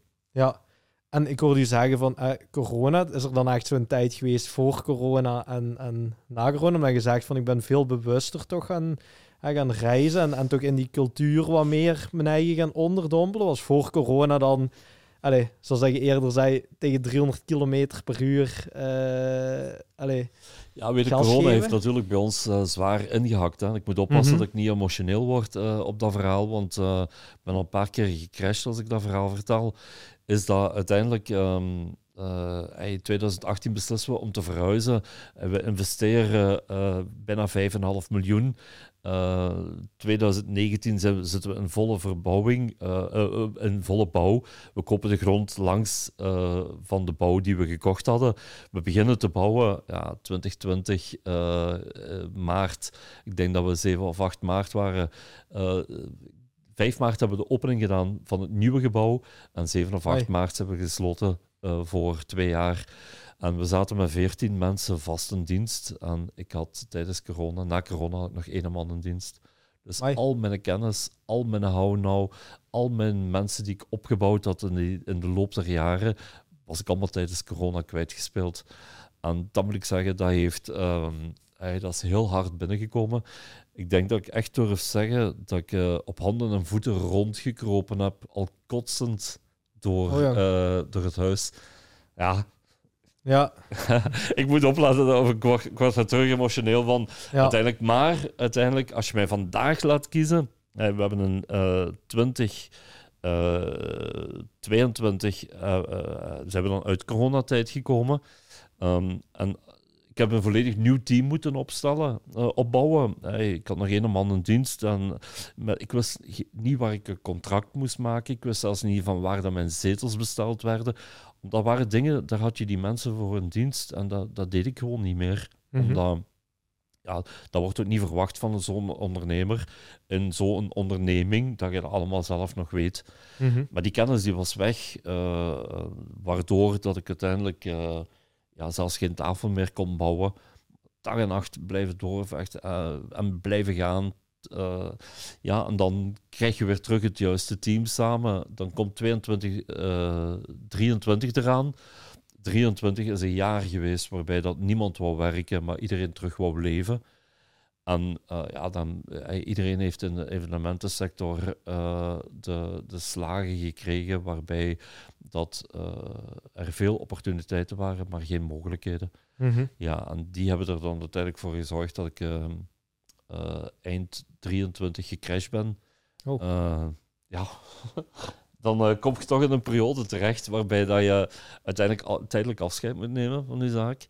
En dat je dan uiteindelijk weer moet zorgzaam moet zijn voor jezelf. En dan gaat je hey, uh, de weerslag, die komt er hey, ongeacht. Uh, en van de moment dat die geweest is, dan word je, gaat je terug opbouwen. Ja, en weet je, en vandaag hebben we terug een bedrijf wat uh, terug alle 2019 operationeel kan zijn. Maar als je mij vandaag vraagt van hey, je mag kiezen uh, de situatie van 2019 of je moet kiezen voor de situatie na corona. Als ik heel eerlijk ben, zou ik meteen de situatie na corona opnieuw kiezen. Mm Het was hard labeur. Echt, het was de eigenste tijd. Omdat als ondernemer, daar bestaat geen handleiding voor. Niemand heeft u ooit verteld wat je in zo'n crisissituaties moet doen. Eh, daar bestond geen P-plan voor. En elk plan wat hij ontwikkelde, een week later mocht je dat uiteindelijk terug de vuilbak in mhm. gooien. Want uh, de maatregelen veranderden eigenlijk continu. En het enige goede wat het uiteindelijk met zich meegebracht heeft, is dat je uiteindelijk veel beter gaat beseffen waar je mee bezig bent. Je bent veel directer gaan kijken naar je bedrijf. Hoe functioneer ik uh, en hoe functioneert mijn bedrijf? Waar zitten verloren kosten en hoe kan ik optimaliseren? Hey, dat is natuurlijk de positiviteit.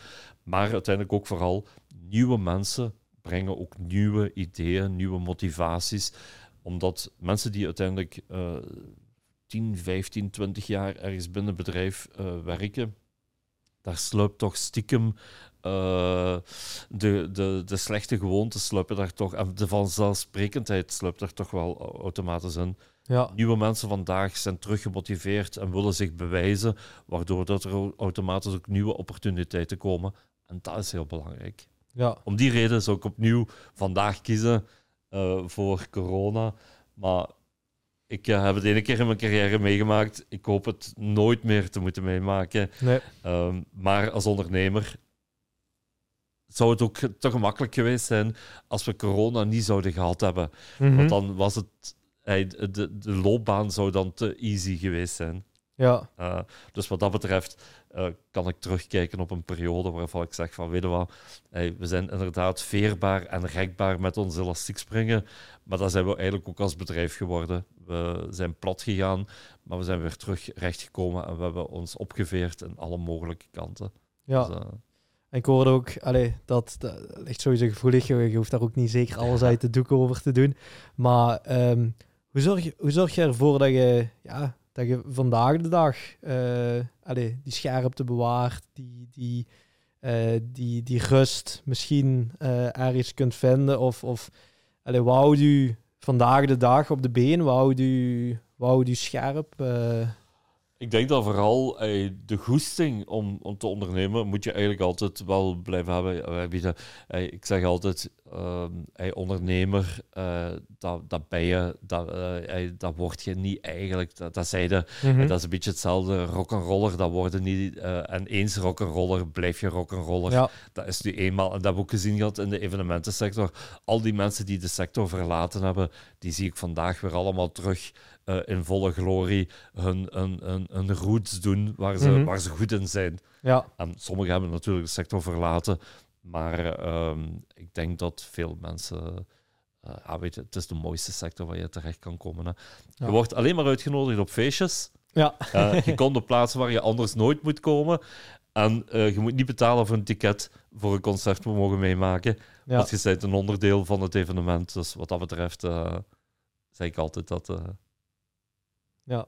Heel mooi. Een van de, de mooiste jobs of, of allez, hobby's. je moet wel altijd werken als andere mensen vrij zijn. Ja. dat, is, dat is een keuze die je maakt als je evenementenman bent. Dat, dat zei je of dat zei je niet. Dat ja. Is, uh... Ja. In mijn geval dan. Hè. Ja, ja. En zit je, zit je vandaag dag dan iets bewuster soort met dat toch ergens misschien dat evenwicht tussen werk, privé? Hè? Je al eerder aan van ja, allez, volle bak 24 op, op 7. Uh, allez, ik, ik, ik merk dat nu ook, maar je, zei het ook al eerder van ja, de jongere generatie is er wel meer mee bezig zo met hè, dat, dat work-life balance. Uh, allez, hoe, hoe Kijk jij er nu na zoveel jaren een beetje eh, tegenaan? Uh... Ik heb er iets moeilijker mee natuurlijk, door het feit dat ik eigenlijk nog een beetje van de oude generatie ben. Ik denk dat de work-balance uh, verhaal, dat dat wel mogelijk is, dat dat wel bestaat. Ik probeer er bij mij op kantoor ook wel rekening mee te houden. In de zin van, ik bekijk mijn mensen niet kwaad als ze om vijf uur de laptop dicht, uh, dichtgooien. En waarbij ze zeggen, ik ga naar huis, ik ga sporten, ik ga leuke dingen doen. Mm dat vind ik, ik uh, veel ondernemers van, van mijn generatie, die hebben daar echt wel een probleem mee, nog steeds. Ja. En ik denk niet dat het thuiswerk gaan we ook voor een stuk introduceren bij ons. En dan kan je zeggen van, oeh, thuiswerk, je moet dat in 2024 nog gaan introduceren, terwijl dat al vier jaar... kijk, in, in de sector waar dat je uiteindelijk heel vaak persoonlijk contact moet hebben en waar we niet willen mailen, waar we mhm. willen praten met elkaar. Ja. En uh, emoties, want wij, wij, verkopen emoties, in welke richting ook. En dan is het heel belangrijk om elkaar te ontmoeten op de werkvloer.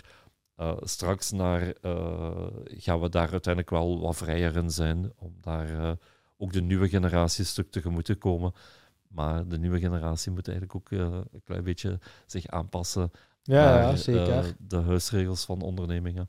Ja, ja ik, allee, ik, ik merk zelfs van, soms is het niet per se die jonge persoon zelf, maar is het dan weer die zijn omgeving die zegt van, hey, allee, hoe zit jij nu, hoe zit jij nu 24 op 24 aan het werken bijna? En, en hè, terwijl die persoon daar zeg, op, allee, op zich er geen problemen mee heeft en, en als mensen bij ons weggaan, heeft het meestal met de derde partij te maken. De persoon in kwestie die bij ons werkt, die is zo gepassioneerd en die doet dat werk heel graag. Maar als je natuurlijk elke avond thuis komt en uh, je vriend of je vriendin begint te klagen omdat je weer te laat zit, omdat het eten weer koud is, of dat je mhm. weer in het weekend moet werken, ja, dan werkt dat natuurlijk niet helemaal. En ik, ik vind dat wij, uh, de oude generatie, maakt eigenlijk ook één grote kapitale fout. En mhm. er wordt heel snel gezegd van de jongeren van vandaag kunnen niks meer. Ja. dat is bullshit, dat is zever. Uh, je, moet ze, je moet ze mogelijkheden en kansen geven. Maar je moet ze vooral ook gaan vertellen wat je wilt. En mhm. laat dan weer opnieuw die communicatie het grootste probleem zijn tussen de nieuwe en de oude generatie. En vandaar vind ik het ook wel fijn en prettig om omringd te zijn door jonge mensen. Want dat zorgt ervoor dat ik wel alles van uh, de hedendaagse technieken en AI en uh, ChatGTP en, en toestanden een stuk meekrijg. Ja, ja, want ik, ik denk dat er ook velen zijn die dat niet doen en eigenlijk ja, consistent achterlopen, achterhinken op die... Uh... We noemen dan mensen die zich digitaal bejaard gaan gedragen. Ja. Dus, ja. En als je daar vandaag je laat uh, aanvangen als uh, ondernemer, ja, dan ben je te prooi. Binnen een x aantal jaar krijg je je eigen deur nog niet meer openen. Mm -hmm. uh, ja, ja, klopt. Ja. klopt. Want allee, ik ben, ben ook eens zo benieuwd van... Um, allee, je zei dan, je haalde zelf aan van... Ja, ik wist op een gegeven moment ook niet... Ja, waar moet ik stoelen kopen? Waar moet ik tafels kopen? Um, zit jij op een gegeven moment ook dan operationeel... Um, ja, bepaalde dingen gaan allee, andere mensen voor gaan zoeken? Of, want de, de meeste uh, ja, ondernemers van mijn leeftijd, die, allee, die zijn een paar jaar bezig of die beginnen net.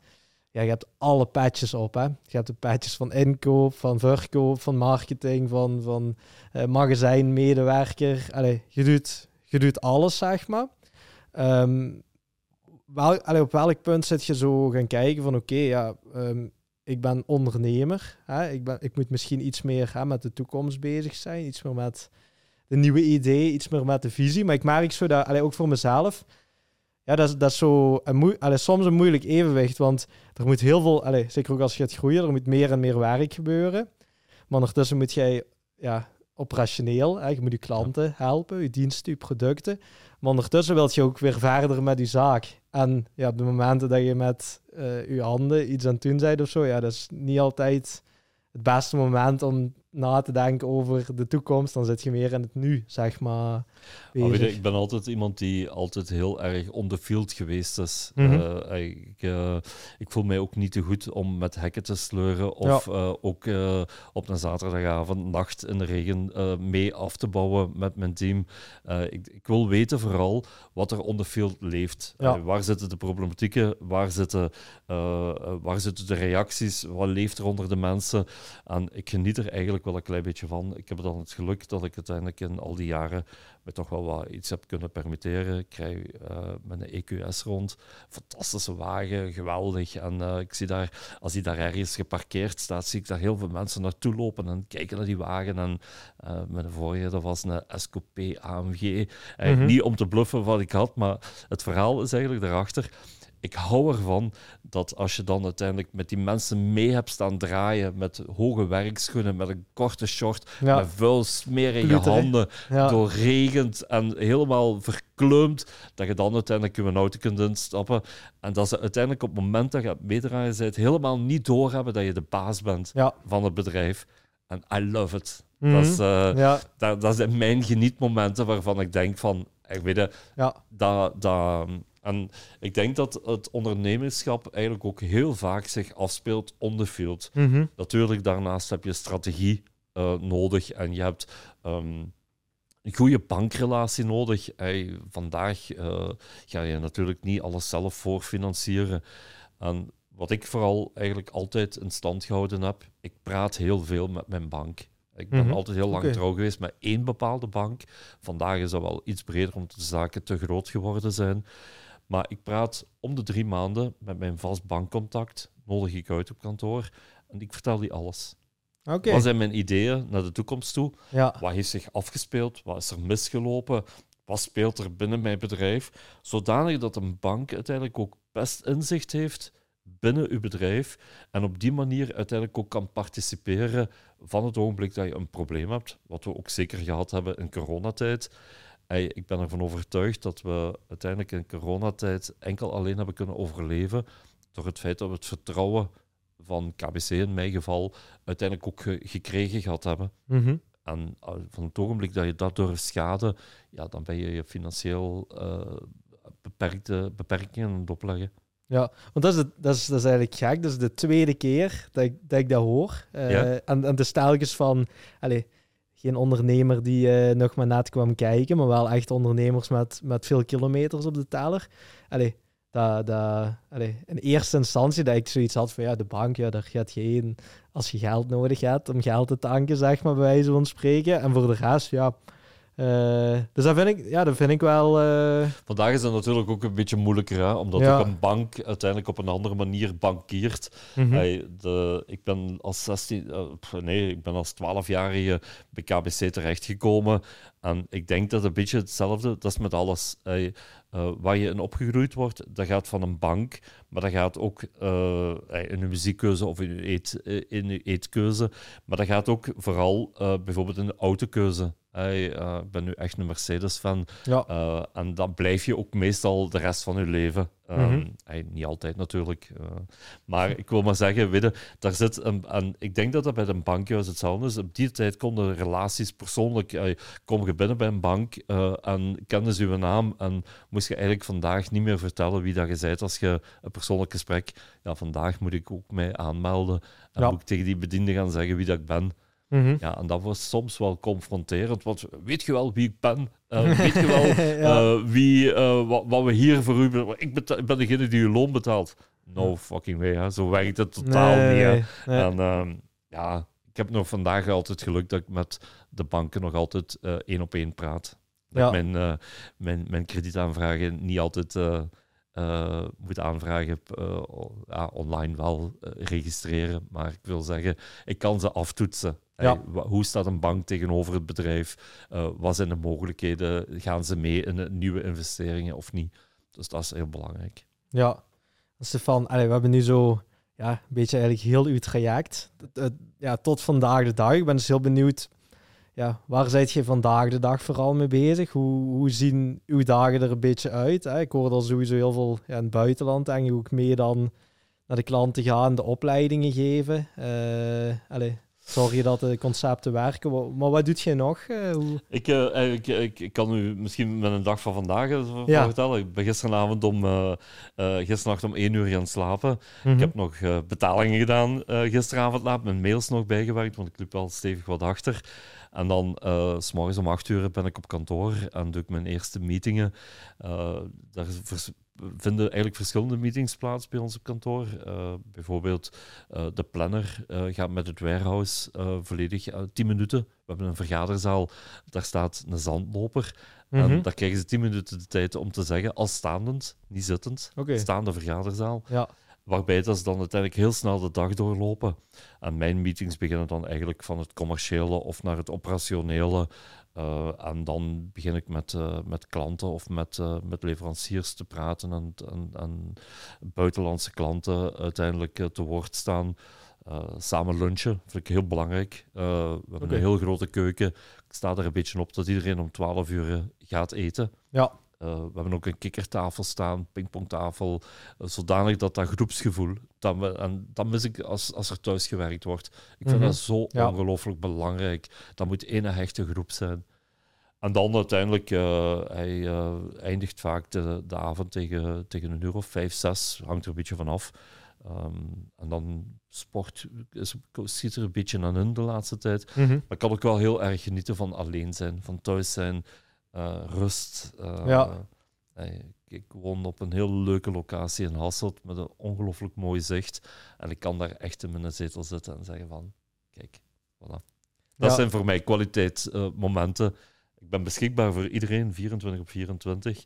Maar van het moment dat ik thuis ben, dan uh, probeer ik quality time met vrienden of met, met, mensen, op, met mensen op te bouwen. Ja, Oké, mooi. Dus ik, ik hoor weer terugkomen, ja, communicatie. Je zit heel de dag heel veel aan het communiceren. Ehm, maar ik heb ook stress nodig, hè. Eh, ook heel duidelijk. Hè.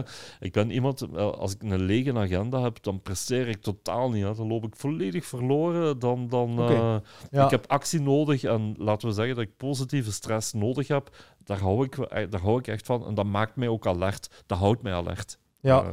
heel belangrijk. Ja, want je hebt, ja, je hebt je hebt zo tegenwoordig ook ondernemers die zo het uh, prediken van uh, vrije agenda, niks gepland en niemand kan je storen. Je kunt bij zo'n spreken geconcentreerd je werk doen. Maar dat werkt toch ook niet voor iedereen? Hè? Nee, helemaal eh, niet. Ik denk dat de generatie van ons, dat die uiteindelijk wel heel vaak nog altijd die gedrevenheid... ik, ik blijf erbij. Een zaak is altijd gebaseerd, ongeacht wat je onderneemt, ongeacht wat je doet. Als de gedrevenheid er niet in zit, nu de balance moet je vinden als je straks uiteindelijk je gecommit hebt met een relatie of je hebt kinderen, dan hoort je de balans uh, daar ook in, in, in, in te brengen. Ik heb dat nu niet. Ik ben eeuwige vrijgezel en ik, uh, ik sta ook op mijn vrijheid. Uh, mm Want uiteindelijk mijn vrijheid geeft mij de mogelijkheid om op elk moment te kunnen doen en laten wat ik wil belt er mij vandaag een klant vanuit Amerika en die wil mij morgen zien, dan stap ik morgen vroeg op mijn vliegtuig en ik moet aan niemand verantwoording afleggen. Ja. Nu, eens gaat me dat wel uh, zuur opbreken, want natuurlijk, uh, de klok tikt en je gaat ook wel eens een moment krijgen waarbij dat je alleen komt te vallen of waarbij dat, dat leven er niet meer is. En dan zullen we wel zien uh, wat uiteindelijk de tijd gaat brengen. Ja, ik denk dat je nog wel even gaat verder doen. Ik ga nog eh. even door. ik, heb, uh, ik heb vooral gezien hoe dat niet moet. Uh, Mijn vader, en ik, ik, ga hier best een persoonlijke toets op gaan, is dat mijn ouders die verkochten het bedrijf toen mijn vader 52 was. Oh, ja. Krijgt een hele grote zak geld. Um, en komt erachter dat hij geen B-plan heeft. komt in een situatie terecht waarbij dat je elke dag uh, gevraagd werd en gezien werd door aan heel veel zakenrelaties ook dag en nacht gewerkt had. En komt dan in een situatie waarbij dat niemand nog tijd voor u heeft. Want je hebt heel veel tijd en je hebt heel veel geld, maar je hebt geen mensen die uh, gelijk in uw situatie zitten. En mijn vader is na een jaar is hij uit het leven gestapt. Um, ja, dan merk je vooral hoe dat niet moet. En dan ga je op die manier uiteindelijk harder werken. En vooral zorgen dat als ik ooit stop, dat ik een B-plan heb. Mhm. En dat B-plan dat is echt wel heel belangrijk. Maar ik, ik, kan niks anders en ik wil ook niks anders. Dus wat dat betreft hoop ik dat ik nog uh, minstens tien jaar uh, uiteindelijk nog verder mag doen van hetgeen wat ik vandaag doe. Want ja, het is te mooi. Ja, ja, ja, ja. maar je, dus wel, allez, je hebt dus wel ergens alles nagedacht van kijk, stel, uh, je hebt, allez, ik weet het niet, je hebt misschien ook al eens een keer iemand gehad die zegt van hey Stefan, uh, staat het niet in de verkoop, uh, uw, uw, uw bedrijf? Um, staat niet alles altijd te koop tegen ja, de juiste prijs. Wel, je, zou, ja. je, zou, dan onzel zijn als je, als je dat zou ontkennen. ik had eigenlijk wel altijd gehoopt gehad, um, is dat de mensen die binnen mijn bedrijf heel lang actief geweest zijn, om op een bepaald moment in een situatie te komen waar je bij een manager buy-out kon doen. Omdat een manager buy-out vond ik het meest interessante, omdat dan blijft uiteindelijk de vakkennis en het bedrijf kan dan uiteindelijk nog minstens 40 jaar blijven doorgaan. Um, ik had dan eigenlijk ook gehoopt, uh, een van mijn neefjes uh, is uiteindelijk voor mij komen werken. Um, ja, gast uh, komt in een andere situatie terecht, waarbij dat de buitenlandse droom om daar vast te wonen uiteindelijk dan toch wel een beetje primeert. Dus ja, die busten van familie gaan we ook een beetje moeten afscheid van nemen. Maar uiteindelijk, ja goed, dan zien we wel op termijn wat de situatie komt. Maar ik denk dat overgenomen worden of overgekocht worden uiteindelijk een van de meest voorliggende opties is. Maar uiteindelijk ook vandaag is, wat ook heel belangrijk is, vroeger had je heel veel bedrijfjes die standalone waren. Mm maar vandaag, als je kan, uh, je, thuishaven kan vinden in een grote groep, uh, waar dat eigenlijk complementaire bedrijven onder vallen, dan denk ik dat ook een langer leven zou kunnen bestaan. Ja, Zeker. Maar we zullen de tijd... Uh, ik kan niet meer vooruitlopen en ik nee, laat komen wat komt. Uh, ik denk dat dat het beste is. Het enige wat ik voor aan zorgen ben, is dat het bedrijf goed gedocumenteerd is, goed okay. georganiseerd, goed gelokaliseerd mm -hmm. en uh, vooral geprofessionaliseerd in alle mogelijke op, vlakken. Zodanig dat je eigenlijk als je straks uiteindelijk op het moment daar bent dat je wil overdragen, dat ook alles richtig in orde is. Ja. Als je dan, heel vaak zie je dat bedrijven aan zo'n tempo werken en zich eigenlijk niet voorbereiden in dit verhaal of uh, geen draaiboeken hebben, geen strategieën hebben of geen... Uh, ja, hoe kan je dan uiteindelijk vandaag verwachten dat je overgenomen wordt? Mm -hmm. Ja, dat, ja. dat gaat niet. Ja, dus ook, allee, ik hoor ergens heel goed met je, met je processen bezig zijn, hè, documenteren, want allee, er zijn heel veel bedrijven die werken en die doen maar. En dan denk ik, allee, dan wordt misschien een ondernemer te oud of, of gebeurt er iets en, en er, er, of, of er komt iemand met een zak geld die zegt ik wil het overkopen. Maar dan is er niks. Hè? Dan, dan is er niks. Maar ik moet wel zeggen, dat is wel een dagelijks gevecht hoor, dat je moet voeren. Ja, ja dat is wel saai hè? ja, nee, maar, maar, maar, het is niet alleen saai, maar het is ook... Uh, mensen bij ons binnen het kantoor begrijpen niet altijd waarom dat je van elk... Uh, dingetje wat binnen je bedrijf uh, actief is, dat je daar een draaiboek rond wilt hebben. Mhm. Maar het is zo belangrijk om dat te hebben, want uiteindelijk, uh, we hebben het al vaker gezien, is dat mensen heel vaak uh, kennis vergaren en dat die kennis verdwijnt van het ogenblik dat ze het bedrijf verlaten. En dat is uiteindelijk het grootste issue wat je eigenlijk als bedrijfsleider kan meemaken. En ervan uitgaan dat mensen uh, die vandaag binnen uw bedrijf beginnen te werken, dat die uh, een pensioen halen bij u. Uh, daar, die, die, opportuniteit die heb ik al lang laten gaan. Als mensen vandaag vijf jaar binnen uw bedrijf blijven, dan mag je eigenlijk al van geluk spreken dat je mm goede mensen hebt gehad. En ik vind ook dat je mensen moet kunnen laten gaan op een bepaald moment. Uw bedrijf moet maar zodanig ingericht zijn dat die mensen uiteindelijk ook andere mogelijkheden en nieuwe kansen krijgen. Dat is, maar dat is uh, niet de mentaliteit waar we mee opgegroeid zijn. Nee. Dat is, uh, dus daar uh, is even wennen. Ja.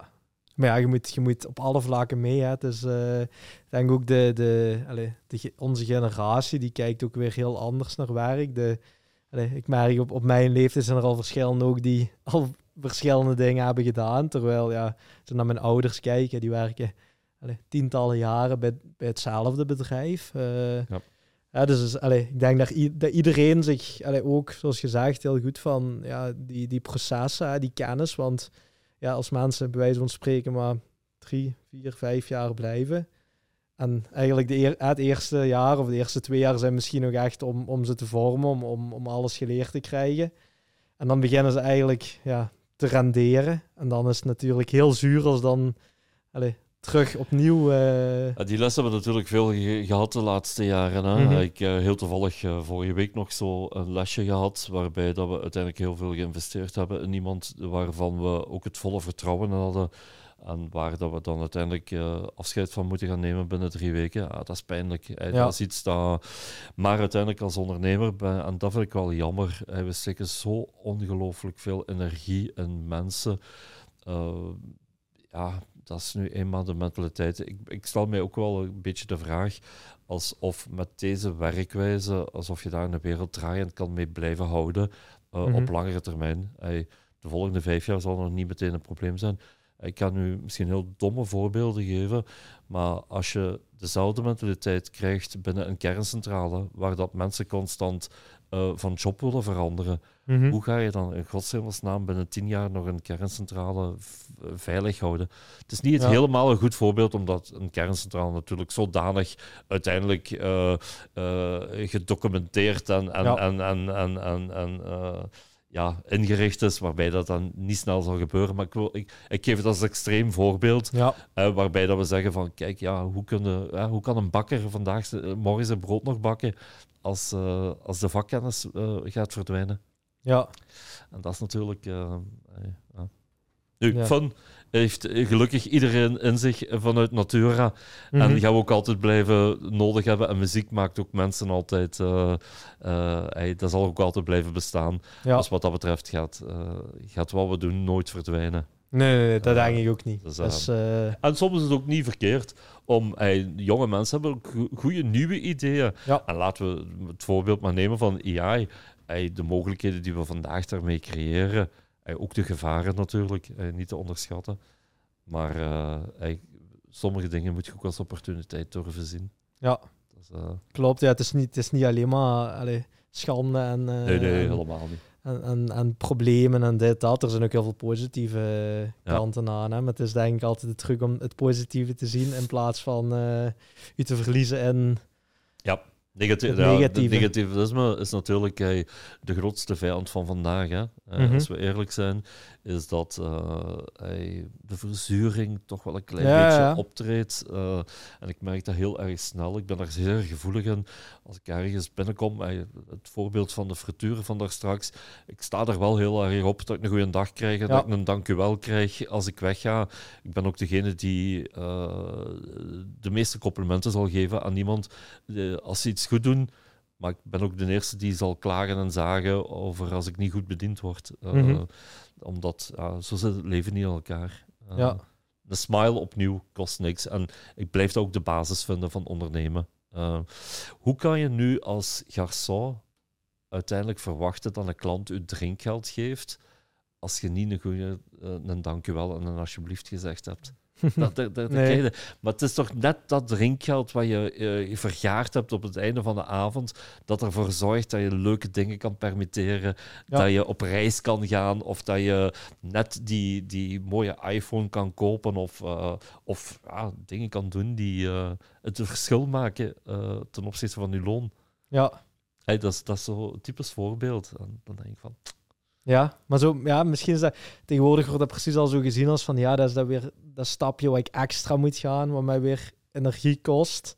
Maar ik zie dan net weer van ja, maar dat is net, allee, daar ligt misschien net de groei of net de, Absoluut. de, de kracht eigenlijk. Hè? Ik denk dat voor veel mensen uh, de coronatijd hey, het ideaalste moment was in hun leven, want ze konden zich verstoppen achter een masker. Ze hoefden niet te lachen, ze hoefden niet te praten, ze hoefden niet contact te hebben met uh, de mensen.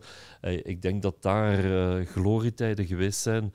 Maar uiteindelijk, ja, zo is het. En dat, gaat, dat is het in 100 jaar geleden was het niet zo. Dat is het vandaag niet.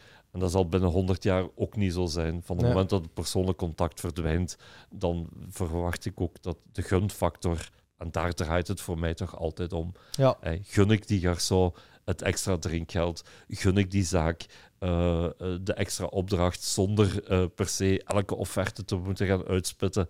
Uh, gun ik die persoon die voor mij werkt een extra loon? Of net die, die, die dikkere auto? Ja. ja weet je, je kunt niet verwachten dat je alles krijgt zonder dat daar iets tegenover staat. Ja, klopt. De basis van alles. 100 procent.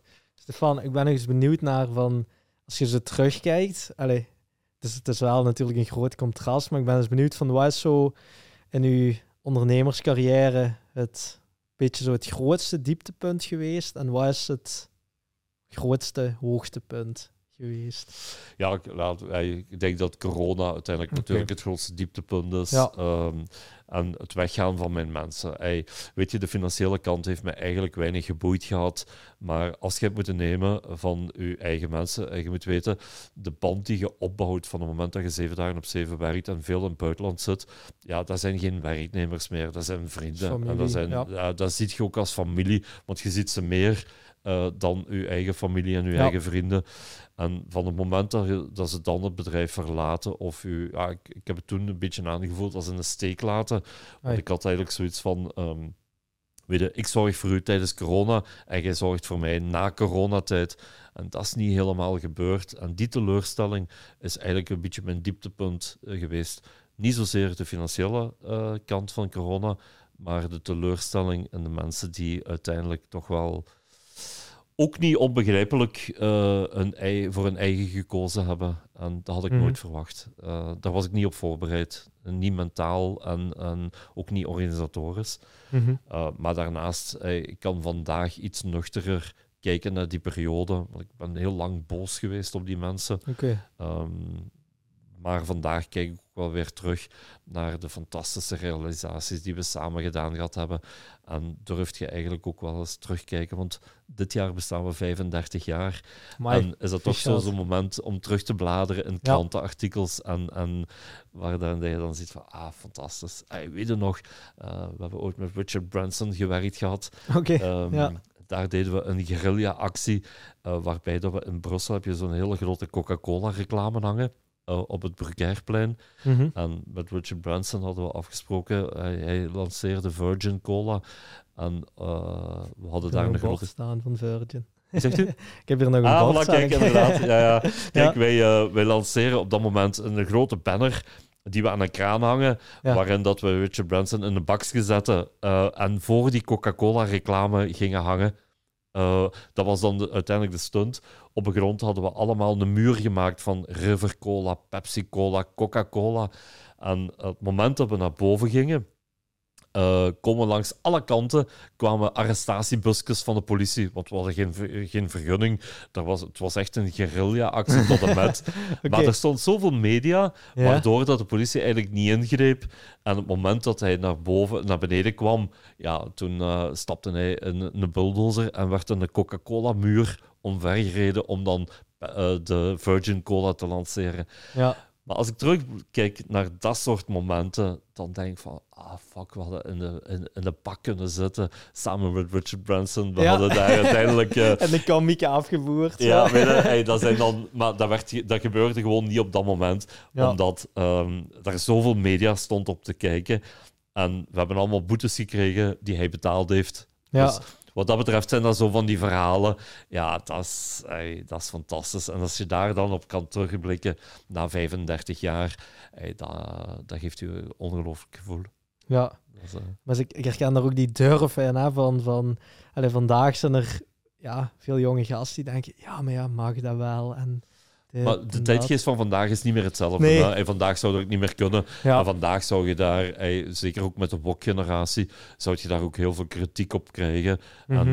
ik weet ook niet of we het vandaag nog zouden doen. Uh, maar uh, ah, zijn manieren genoeg om nieuwe uitdagingen te vinden in uw leven. Ja. ja die accept geaccepteerd worden door de maatschappij. Ja, ja, ja. Uh, zeker, zeker en vast. Zeker en vast. Nee, ik ben ook benieuwd van, heb jij allee, nog dingen die je zo aan de, en met, met die 35 jaar aan, aan ervaring, zeker ook nog in de sector waar dat hard werken is, waar dat allee, ook de meeste mensen zien die aan de voorkant uh, en jij ziet die aan de achterkant. Heb jij nog allee, bepaalde dingen, misschien allee, ook voor mensen die in de eventsector uh, aan het ondernemen zijn, maar mag ook zelfs breder. Um, ja, bepaalde wijsheden of, of, of dingen die je toch... Ik heb al heel veel gehoord. Ehm, maar dingen die jij... Ja, toch die, die, die jongere, jongere generatie misschien wilt, wilt meegeven of benadrukken. Geloven in jezelf, hè. Ongeacht wat je doet. En ik denk het respect tonen voor alles en iedereen rond u.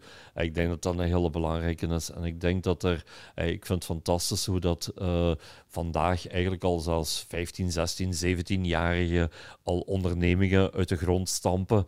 Um, ik, heb, ik heb ooit op het punt gestaan om uh, net voor corona om het FunLab uh, te ontwikkelen. En het mhm. FunLab was eigenlijk uh, een idee waarbij dat we jongeren die vandaag um, willen ondernemen in de evenementensector, dat we die een platform zouden geven en vooral een thuisbasis accom zouden accommoderen. Uh, waarbij dat we uiteindelijk in hun leefwereld wouden, wouden terechtkomen. de leefwereld, ik ben een van de eerste gebruikers van TikTok. En niet zozeer om die dansjes te zien, mhm. maar vooral om te weten te komen wat speelt onder die jongeren. Wat, wat, kan ik daaruit leren en welke lessen? En hoe kunnen we dat vertalen naar onze entertainment die we vandaag doen? Want één ding is zeker, is dat uh, als een toestel of een, een, een attractie bij wijze van spreken geen scherm heeft, dan gaat het ook niet meer uh, bespeeld of beoefend worden. En ja, daar moeten we eh, uiteindelijk proberen mee te gaan en dat te vertalen naar de hedendaagse beleving. Uh, nu een elastiek zal een elastiek gaat, maar langs de andere kant, je kunt vandaag ook al bungee springen uh, met virtual reality. Uh, dat ook al uit de plank, wat u al volledig in, in, die wereld gaat brengen. Dus ik kon maar zeggen, soms ligt... Maar als je dan dat uiteindelijk ook nog eens kan combineren met virtual reality en je kunt dan ook effectief van 60 meter naar beneden vallen, ja, hoe cool kan dat zijn? En dat moeten we proberen te vertalen naar de, de dag van vandaag. En daar vind ik nog wel wat uitdagingen liggen. We moeten eerst zorgen dat na de coronatijd, want daar zijn we nog niet helemaal van hersteld, mm organisatorisch, dat die structuren allemaal terug op zijn punt staan. We zijn zo de laatste fase bezig. Uh, nieuwe website, nieuw CRM-systeem. En als dat allemaal goed georganiseerd en gedocumenteerd is, dan kunnen we weer terug gaan kijken naar een vernieuwing gekoppeld aan de hedendaagse noden. Ja. Dus uh, nee, er liggen nog spannende tijden. Ja, ja. Ik, ik hoor heel leuke dingen. Hè? Ook, ook allee, dat je toch nog, allee, nog steeds bezig bent ook van hey, waar, is die, waar zijn die jongeren mee bezig? Hoe kunnen we toch die eventsector weer opnieuw uh, uitvinden met nieuwe attracties, nieuwe... Ja. ik vind het jammer dat, dat als ik soms uh, de, de beweegruimte zie, hoe dat... Uh, ja, natuurlijk, het zijn uitzonderlingen hoe dat sommige mensen naar een festival gaan met die smartphones omhoog en het concert totaal niet beleven. Waar zit de beauty van de muziek nog? Waar zit de passie nog van het beleven, van het samen ambiance maken? ze zullen dat op een andere manier doen. Maar daar, daar, moet ik met, daar heb ik het moeilijk mee om me daarin aan te passen. Ja. En dat gaat ook over, het komt terug op communicatie. Ja. Uh, discotheken, ik vind het jammer, de tijd dat ik uitging, ik had de mogelijkheid en de keuze in 14 discotheken. Um, ja, vele vandaag, uh, Versus heeft, uh, heeft moeite om, om zijn publiek te, te animeren en vol te mhm. krijgen. Ja. En dan was Amerika, waar ik dan afgelopen weekend zat, ja, was dan een fantastische beleving terug om terug die mensen allemaal als één... En hadden ze dan gezegd van, geen smartphones? Of, of hoe hadden nee, dat? Niet. Nee, nee, dat zit dat zit er echt in gebakken. En, en die, en natuurlijk zijn die ook bezig met social media, maar daar, eh, die rooftop, dat was echt zo fantastisch. Um, je moet maar eens opzoeken, uh, Edition in uh, Tampa, uh, het mm -hmm. hotel. Uh, het is een fantastisch hotel, waarbij dat je echt die sfeer en die vibes, als je, als je daar al binnenkwam, en je merkte dat dat uiteindelijk wel centraal stond in, in de hele beleving van die avond. En ik hoop dat dat wel ooit terugkomt. Dat, uh, dat jongeren weer terug met, of mensen, uh, het gaat niet alleen om jongeren. Want ik heb het woord jongeren eigenlijk net iets te vaak gebeurd. Het zijn niet alleen de jongeren die vandaag, uh, ik denk dat ook heel vaak, als, als je op restaurant ziet, dan zie je ook heel vaak getrouwde koppels die uiteindelijk meer met een smartphone bezig zijn dan dat ze met elkaar bezig zijn. Dus ik, nee, daar, daar liggen toch nog wel wat uitdagingen op, op, op connectievlak naar de toekomst toe. Ik hoor dat mhm. het swipen, uh, het tinderen ook al uh, een beetje uit aan het gaan is. Ja, dus, uh... ja ik, ik, allez, ik heb hier ook al iemand gehad die deed zo meer speed dating. Maar ja, allez, maar terug heel old school en zo ja, een, een bruin café bij wijze van spreken. Ja. En, en terug één op één mensen ontmoeten. En dat die Weet je wat natuurlijk was? Hè? Vroeger als wij lief houden, hè, dan moesten we, uit, we moesten uitgaan. Hè? Het was de enige manier om iemand tegen te komen. Hè. Eh, vandaag gebeurt dat van achter de computer en, en kan je natuurlijk elke identiteit aannemen. Wat uiteindelijk ook weer, en ik blijf daar ook wel een klein beetje bij, het sociale gebeuren staat ook centraal in het business gebeuren. Hè. Mhm. In het ondernemerschap. Van het moment dat je niet sociaal aangelegd bent en uiteindelijk, ik kan niet zeggen dat je geen business kan runnen van achter je computer met, met asociaal te zijn, als ik het zo mag uitdrukken dat zal ook zeker wel bestaan en zal zeker ook wel kunnen. Eh, de crypto-business eh, en noem het maar op. Maar uiteindelijk, wat ben je er in godsnaam mee als je vanuit je computer massa's geld binnenraaft en je, kunt er, je hebt geen vrienden om het mee te delen? Mm Wauw, uh, fijne miljonair. hey, de dag dat je de Porsche koopt, dan wil je toch nog altijd hebben dat er iemand langs zit in je Porsche. Mm Ja, dat is, ja, klopt. klopt. En dat is toch wel, ik zie dat toch wel ja, maar uh, ik woon nu aan een kanaalkom in Hasselt, een ruimte die ze heel mooi vernieuwd hebben. Allemaal met banken en, en, en op, een ontmoetingsplek. En daar moet ik wel gelukkig vaststellen dat heel veel mensen elkaar weer terug ontmoeten ja. met een fles wijn en met, met een biertje. En waar dat mensen weer praten met elkaar. Mhm. En dat, dat, dat daar toch wel nood aan is. Maar we zijn er nog niet, hè. Ja, en hoe denk je dat zo, allez, um, als je zo kijkt naar de, de jonge ondernemers, hè, die, die, ja, die hebben nog niet zo'n groot netwerk, die, die kennen nog niet uh, Richard Branson uh, bij zo'n spreken, waar, allez, want je, je, hebt, dat vind ik wel heel mooi gelegd, ook die nadruk op dat menselijke, hè, dat contact van, van stel, allez, stel dat jij niet terug jong waart, zo, wat, wat zouden de dingen zijn waar dat je naartoe ging, of, of hoe dat je in de, in de Allee, stel dat je terug jong zit in de huidige tijden, zeg maar, eh, op dit moment. Ik denk dat ik het heel moeilijk zou hebben. Ik denk dat, ik, uh, dat ik mij heel slecht zou kunnen aanpassen, omdat ik vanuit Natura uiteindelijk een heel sociaal beest ben en dat ik, dat ik echt wel... Ik heb nood aan mensen te ontmoeten op, uh, op mijn tijdstippen. Maar uiteindelijk, ik, uh, ik zou niet weten hoe dat ik vandaag de zaken zou moeten doen. en ik, ik, moet eerlijk zeggen, ik voer dat gevecht wel dagelijks, omdat hij een paar maanden geleden heb je de BEA Awards gehad. De BEA Awards, een, uh, dat is een evenement waarbij dat duizend ondernemers samenkomen, uh, waarbij dat de beste evenementen bekroond worden. Um, en ik moet zeggen, um, dat vroeger had ik uh, de hele avond nodig om iedereen een handje te geven en iedereen een goede dag, want ik raakte niet van A naar B, omdat ja. iedereen kent u wel. Uh, mm Je kent niet iedereen, maar um, dat was fantastisch. dat, dat, is een soort erkenning dat je krijgt. Ja, vandaag was dat er 30% in die zaal dat ik niet kende, dat ik nog nooit gezien had en dat ik zelfs niet wist wie dat ze waren. Dus dat wil eigenlijk zeggen dat we als bedrijf daar, ondanks dat we zo'n gigantische naamsbekendheid hebben, dat we vandaag opnieuw moeten keihard werken om te bewijzen aan de nieuwe generatie en vooral te vertellen wie dat we zijn en wat dat we doen. Want wij gaan er eigenlijk vanuit dat alles vanzelfsprekend is en dat iedereen weet, oh, die weet wel, oh, dat is Stefan Kerkos van, van, eh, van Benji, van, eh, weet wel, die uh, in 76 landen Dat is helemaal niet meer het verhaal, hè. Mhm. Want uiteindelijk, digitaal zijn we evenzeer een blinde vlek op sommige vlakken uh, als andere standaardbedrijven. Hè. En moeten we elke dag opnieuw ook weer investeren in, uh, in de digitale wereld om uh, ja, ons te bewijzen. Ja, om zichtbaar te zijn. Hè? Want het is, denk ook, het is het, het, ja, het, het landschap. Er zijn zoveel bedrijven, zoveel ideeën, zoveel filmpjes, zoveel foto's. En het is echt zo'n strijd om hebben nu het geluk dat we een heel sexy product hebben. Hè? dat we een dankbaar product hebben dat uiteindelijk eh, aantrekkelijk is en wat uiteindelijk ook content kan creëren die spraakmakend is. Maar uiteindelijk, als je vandaag uh, een andere business hebt, ben er ook wel van overtuigd dat elke business u, u wel kunt onderscheiden. Mhm. Maar daar is toch nog wel de uitdaging toch nog wel een stukje groter. Ja. Dat is toch nog niet, niet zo evident. Ja. Dus daar zitten, daar zitten toch nog wel wat. Ja, iemand die vandaag niet meegaat en, en de, de klik maakt naar de hedendaagse tijd, die komt toch wel op problemen in, uh, in x jaar. Want de snelheid waar dat vandaag alles verandert, ja, dat is angstaanjagend. Ja. Dat, is, uh, uh, dat vind ik wel... Ehm, En dan moet je uiteindelijk ook wel goed gewapend zijn als nieuwe ondernemer, dat je toch wel uh, thuis bent van alle markten. Vroeger kon een ondernemer zich eigenlijk onderscheiden door hard te werken mhm. en door een vak te kennen.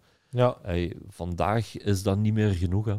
Hè. Mhm. Een vak kennen is niet meer voldoende. Uh, je moet eigenlijk ook weten hoe je moet presenteren, hoe dat je uiteindelijk uh, met de social media moet omgaan, maar ook vooral um, hoe ga ik met, met, uh, met de hedendaagse wereld om. En daar bedoel ik vooral mee hey, boekhouding. Ik, ik, ik, heb nog een heel mooi voorbeeld, is dat ik ben 30 jaar trouw gebleven aan mijn boekhouder. Mm um, en op een bepaald moment had ik last van zwervende facturen. Wat bedoel ik met zwervende facturen? Facturen die per post binnenkwamen, die op uh, een info binnenkwamen of die binnenkwamen op een persoonlijk mailboxadres, waardoor dat die niet op tijd bij de juiste boekhouding gebeurde. En als er nu e-, één ding is waar ik een, een manneke dood aan heb, dat is aan herinneringen. Hè? Zoals ik daar straks zei, ik wil dat facturen heel snel betaald worden. En elke herinnering die ik bij mij binnenkrijg, dat voelt als een klap in mijn gezicht. Eh, omdat dat, dat strookt niet met mijn ondernemerschap. En ehm, ik wou dat we digitale boekhouding gingen, doen. Maar boekhouder, een super fijne gast die goed voor mij gezorgd heeft, maar na 30 jaar uh, uiteindelijk nog niet mee was in het uh, digitale boekhouding ja. systeem. En we hebben midden in de coronatijd hebben we afscheid genomen van onze boekhouder. Dat, terwijl dat de slechtste timing was die je maar kon inbeelden. En we zijn toen overgeschakeld naar, uh, uh, eigenlijk naar, naar een, een accountant, um, adviseur, want je mocht geen boekhouder vandaag meer zeggen, mm en een fiscalist, die uiteindelijk vandaag u meehelpt uh, te maximaliseren. En dat is heel belangrijk, want uiteindelijk op die manier uh, heb ik eruit geleerd. Het wil niet zeggen dat je de afgelopen 30 jaar op die manier hebt kunnen werken, dat je dan nog de volgende 30 jaar op die manier kunt doen. En daar hebben veel mensen het moeilijk mee. Verandering in hun leven, ongeacht is dat nu op businessvlak, is dat op privévlak, is dat op vriendschappelijk vlak. Het maakt niet uit. Veranderingen, eh, daar, daar zijn mensen niet voor gemaakt. Daar mhm. staan ze niet voor open. Ja. En laat nu net dat de beperking zijn in al hetgeen wat je vandaag onderneemt als je niet open staat voor vernieuwing, is dat uw uh, dood voor de toekomst. Ja. Dat is, uh, mooie quotes ja. eigenlijk, hè, al de hele ja, namen. Potverdorie. Kan er kan veel, ze allemaal kan moeten opschrijven. ja, ik, uh, ja. ja. Nee, maar allee, ik herken dat ook, want ik, ik ben ook al van boekhouder veranderd. En een beetje om dezelfde reden. Zo, ja, uit gewoonte, ja, ze hebben een paar gevraagd, ja, waar, uh, waar moet ik de boekhouding laten doen? Oh ja, daar in uh, bij die daar, die ken ik nog van de zus of de zo. Ja. Maar ook zo'n heel old school boekhoudkantoor. Um, breng uw map maar binnen. En dat heb ik ook in mijn eigen van ja. De kartonnen doos. of, of een Excel, een Excel bijhouden. En dan, en dan ik zei van ja, ja ik, heb, uh, ik heb een webshop, uh, ik heb dit, ik heb dat, ik heb een Molly, ik heb een, een payment provider ertussen zetten ja, dat was allemaal. Uh, en, dan, en dan ja, ook, ook facturen binnenkrijgen van uren. Dat ze dan zo die transacties hadden moeten uitzoeken. En, en ja. Maar dan, eh, als, als je dan administratief nog in orde bent, dan is dat nog allemaal doenbaar voor een boekhouder van die tijd. Maar uiteindelijk, wat heel grappig is, is dat het moment dat we uiteindelijk overschakelden naar onze huidige accountant, uh, die zei op een bepaald moment hey, van, je moet geen, geen, geen, geen madame meer inhuren, geen boekhoudster, geen interne boekhoudster meer, want dat gaat allemaal vanzelf. Eh, ik dacht op dat moment van, hey, weet je wat, loop eens even tegen de muur op, want uh, ga mij nu niet vertellen dat ik niet iemand nodig heb die mijn uitgaande facturen maakt en die mijn inkomende facturen klasseert, die mijn banken uh, gaat, gaat klasseren. Hey, daar ga ik toch niet in mee. ik kan nog altijd iemand in dienst nemen binnen het bedrijf. Nadat we een maand de digitale boekhouding hadden ingevoerd, heb ik afgezet genomen van mijn interne boekhouder. Ja. En hebben we het zodanig kunnen automatiseren en organiseren toch helemaal geen boekhouder meer nodig hebben intern. Ja, ja, ja. maar ik, ik herken het. Ik zit nu ook zo bij een kantoor en die lezen gewoon automatisch die, die facturen in, die, die punten de automatisch dan via koppelings met de bank af. En, uh, ja. Maar dat is, dat is natuurlijk ook ondernemen vandaag. Hè. Ja. Stil blijven staan op het verleden, denk ik dat de grootste fout gaat zijn naar de toekomst toe. Dat is, ja.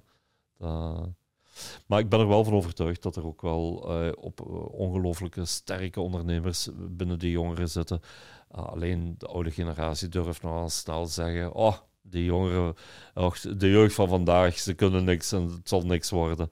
Ah, dat is bullshit. Dat is, mm. dat, uh, maar dat zeiden ze van jullie waarschijnlijk ook. Ja, we waren de generatie die uiteindelijk, de tv-generatie, die ah, uh, al niet meer voor aan tafel had samen, maar voor de tv had. En, ja. weet je, dat was de grootste zonde, een overtreding die je in die tijd kon begaan.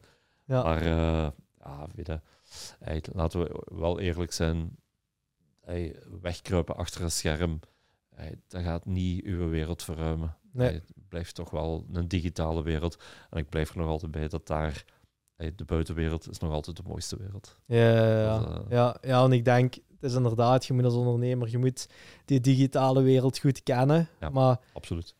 Uh, allee, dat, dat heeft me ook zo tijdens corona wel getriggerd, van ja, dan zit je vooral in die digitale wereld. Maar ja, als je dan merkt, ja, de, de, de echte bedrijfswereld, ja, dat is niet zozeer alleen maar op het internet te doen en foto's op Facebook. En nee, dat is in persoon, dat is, dat is naar mensen toe gaan. Dat is, uh, ja.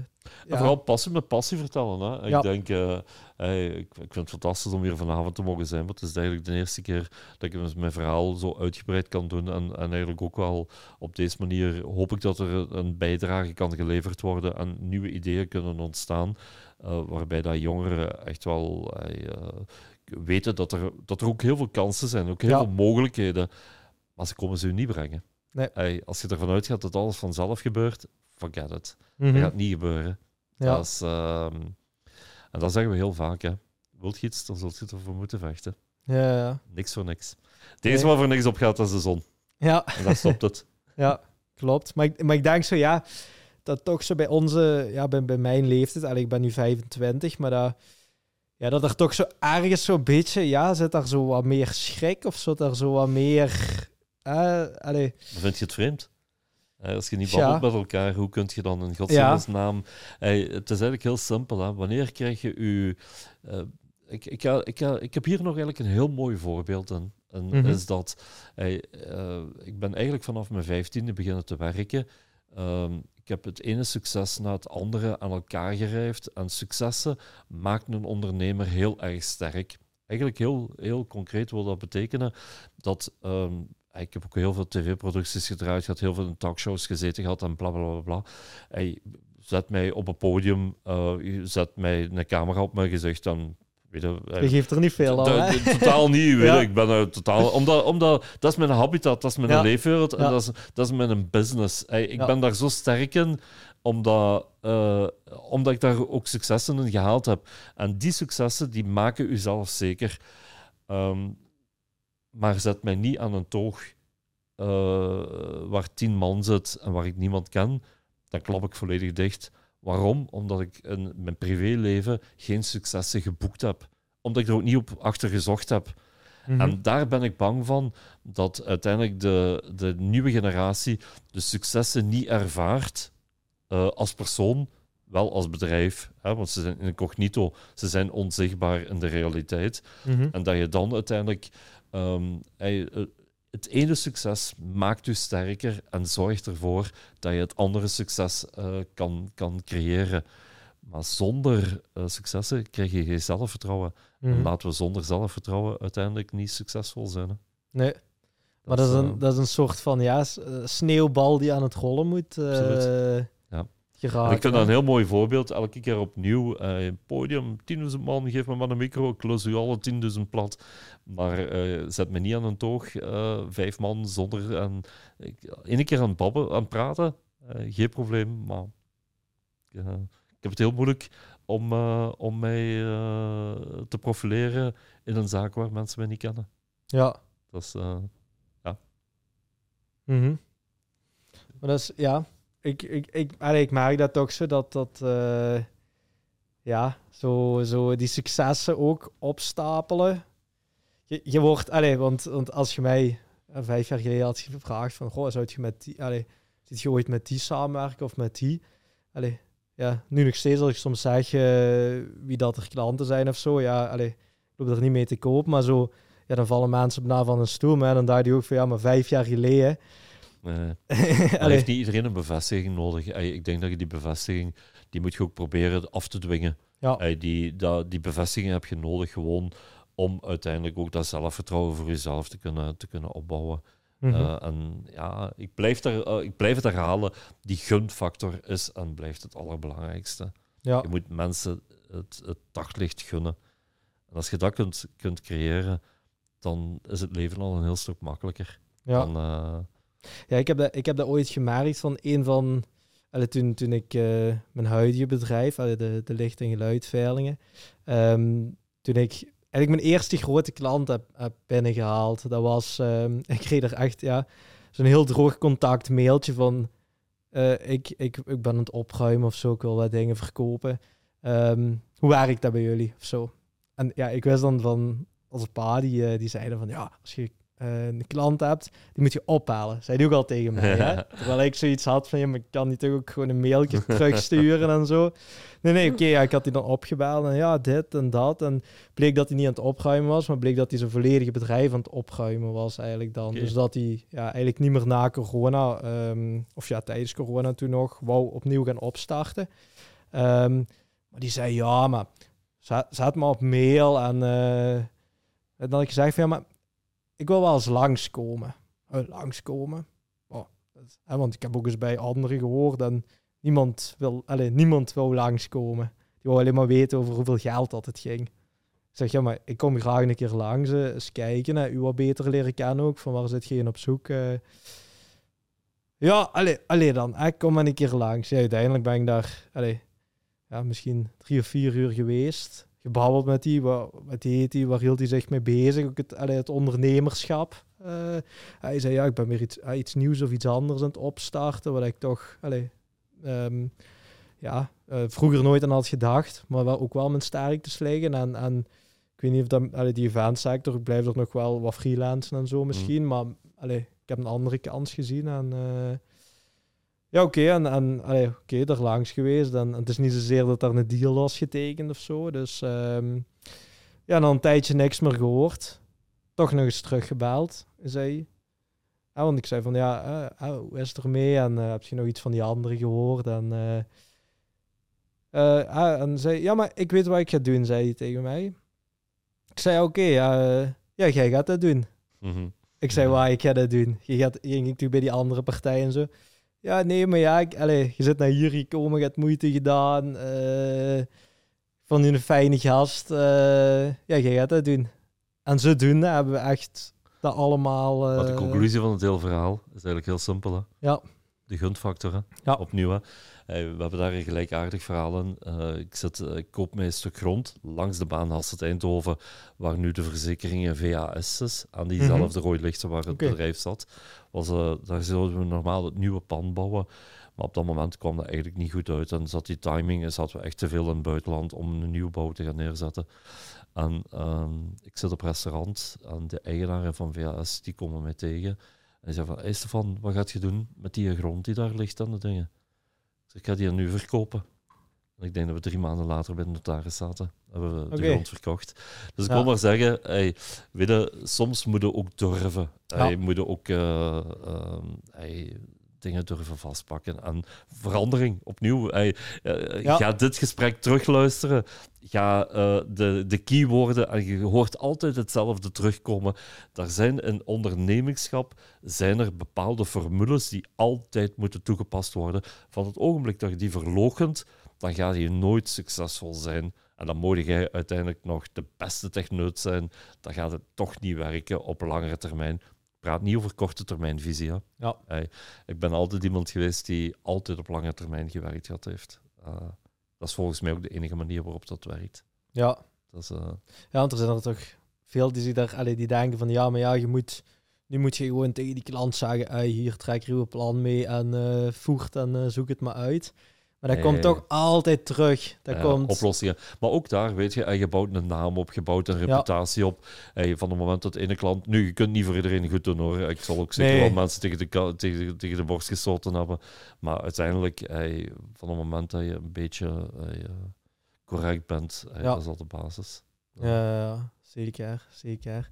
Stefan, ik ja, we naderen een beetje, want ik moet een beetje op de tijd laten ook, uh, het einde van de podcast. Heb je nog, uh, allez, een beetje voor onze luisteraars, wat mogen we nog van uh, Dinner in the Sky verwachten? Wat mogen we misschien nog van de Fungroep verwachten? Wat zijn zo dingen die misschien, eh, ik weet niet of je alles mocht vertellen, oh maar zo nog ja. dingetjes die er in het vooruitzicht liggen?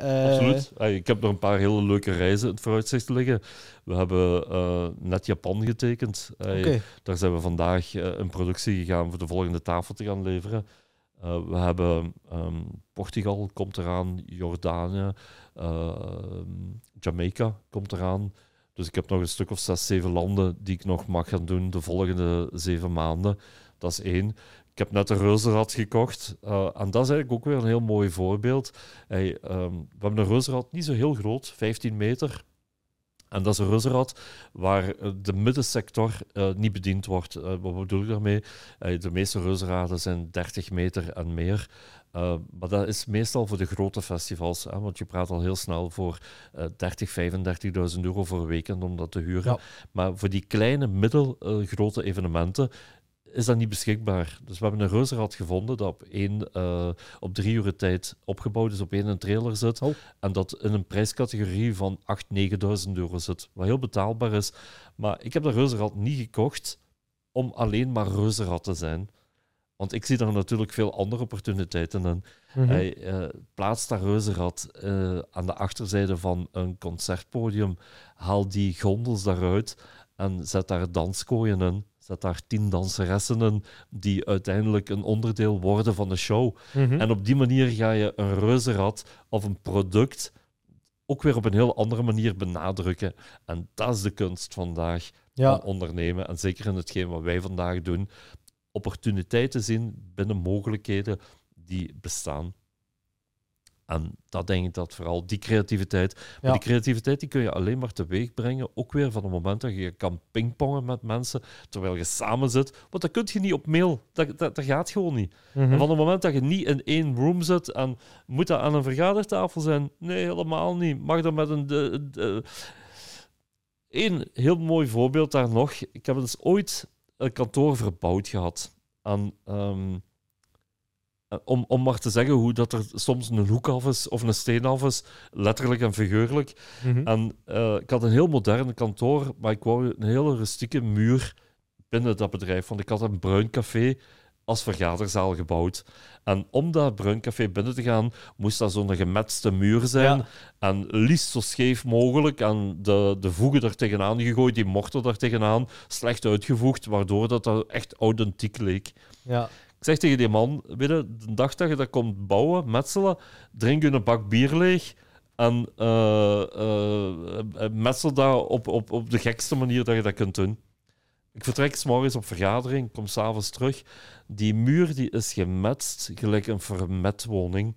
Helemaal recht met een, met een, met een touw uitgemeten, helemaal uitgevoegd. En ja, ik ben ik, ik, wat, wat, wat, wat vind je ervan? zegt die man. Zeg, weet je wat je moet doen? Je moet nu onmiddellijk die muur terug afbreken, want het trekt op niks. Helemaal niet. Die zegt, dat heb ik nog nooit meegemaakt. Normaal gezien moet je een, een, muur afbreken omdat hem scheef staat. Hier moet ik hem afbreken omdat hij recht staat. Ja. Dus ik wil maar zeggen, weet je, dat is die hoek af die je ook moet hebben. En dat kun je alleen maar teweeg brengen van het moment dat je mensen samenbrengt. En uiteindelijk, uh, je moet correct blijven. Geen gekke dingen doen, maar je moet wel hey, af en toe een hoek af hebben. Ja. Om uh, gekke dingen te kunnen ontwikkelen. Ja, die, allee, zeker om dat van u te horen, die, die creativiteit hè, van de, allee, die spat er nog steeds van af. Zo, hè. Ik, weet, ik weet niet waar dat het blijft ja, halen ook zo, maar ja. Maar ik kan, ik kan ook wel heel snel schakelen. En, de, en dat snel schakelen, nou, dat blijft, denk ik, mijn, mijn, uh, uh, mijn, mijn handelsmerk. het stuk grond waar we, waar we het over hadden daar straks, dat ik verkocht heb. Um, dat kwam, ik kwam te horen dat er iemand dat verkocht en die geld nodig had. Ik had net op dat moment mijn huis verkocht, dus ik had eigenlijk cashgeld liggen. Ik bel die man op en die zegt van, uh, ik verkoop het uh, aan die prijs, maar ik wil wel uh, morgen mijn geld hebben. Ik zeg, wel, dat is nu geen probleem, wij gaan dat regelen. Mm. En ik heb dat gekocht. En ik wist helemaal niet wat je erop mocht of wat je erop kon. Of helemaal niks. Ik dacht, ik had gewoon buikgevoel wat me zei, ja. Stefan, je moet je grond kopen. We hebben dat gekocht en nadien hebben we dat uiteindelijk aan goede condities kunnen doorverkopen. Ja. Maar dat is dat durven, dat is ondernemen. Dat is, Ja, maar toch ook weer dat buikgevoel hè, van... Ik heb dat ook een paar keer gehad, zo... Met, allez, is een aanvraag gekregen, hey, wilt je dit doen, wilt je dat doen? En je voelde eigenlijk aan je buikgevoel van, hm, hier klopt iets niet. Hè? En dan heb ik, ik heb wel eens één keer wel de fout gemaakt van uh, dat dan toch doen. Maar dat was... Uh...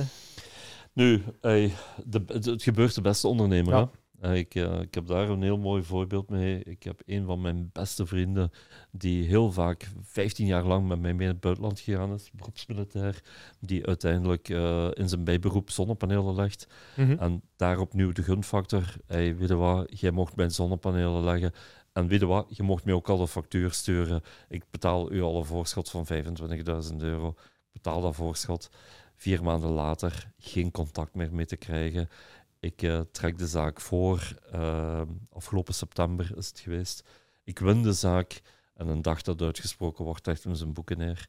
Dus ik wil maar zeggen, weet je, dan heb je 35 jaar op een teller staan, gelijk je dat daar straks mm -hmm. zei. Dan uh, loop je toch nog altijd in, ja. in, de, in de gevaren.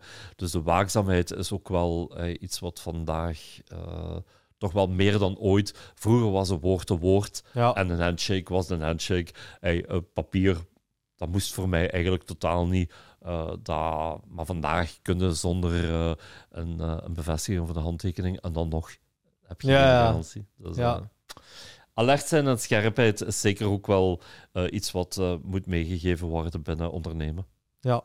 Dat is, maar ondernemen is zo mooi. Het is, het is fantastisch, maar het heeft voor- en nadelen. Ja.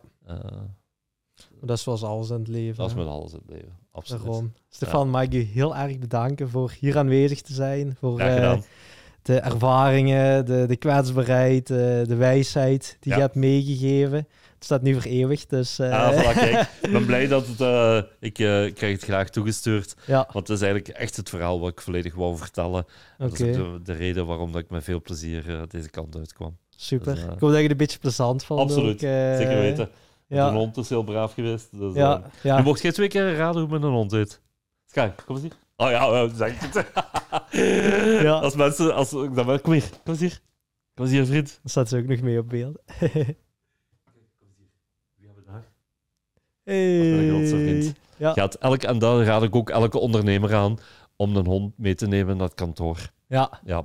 Dat is een ijsbreker, dat is een stressfactor uh, uh, die weggenomen wordt. Hey, dat is uh, een hele goede connector. Ja, ja de, de, luisteraars of de kijkers hadden, hadden nog geen uh, hondje gezien, maar die, die ah, zat hier heel mooi op de maat. Hè? En ik denk toch niet dat...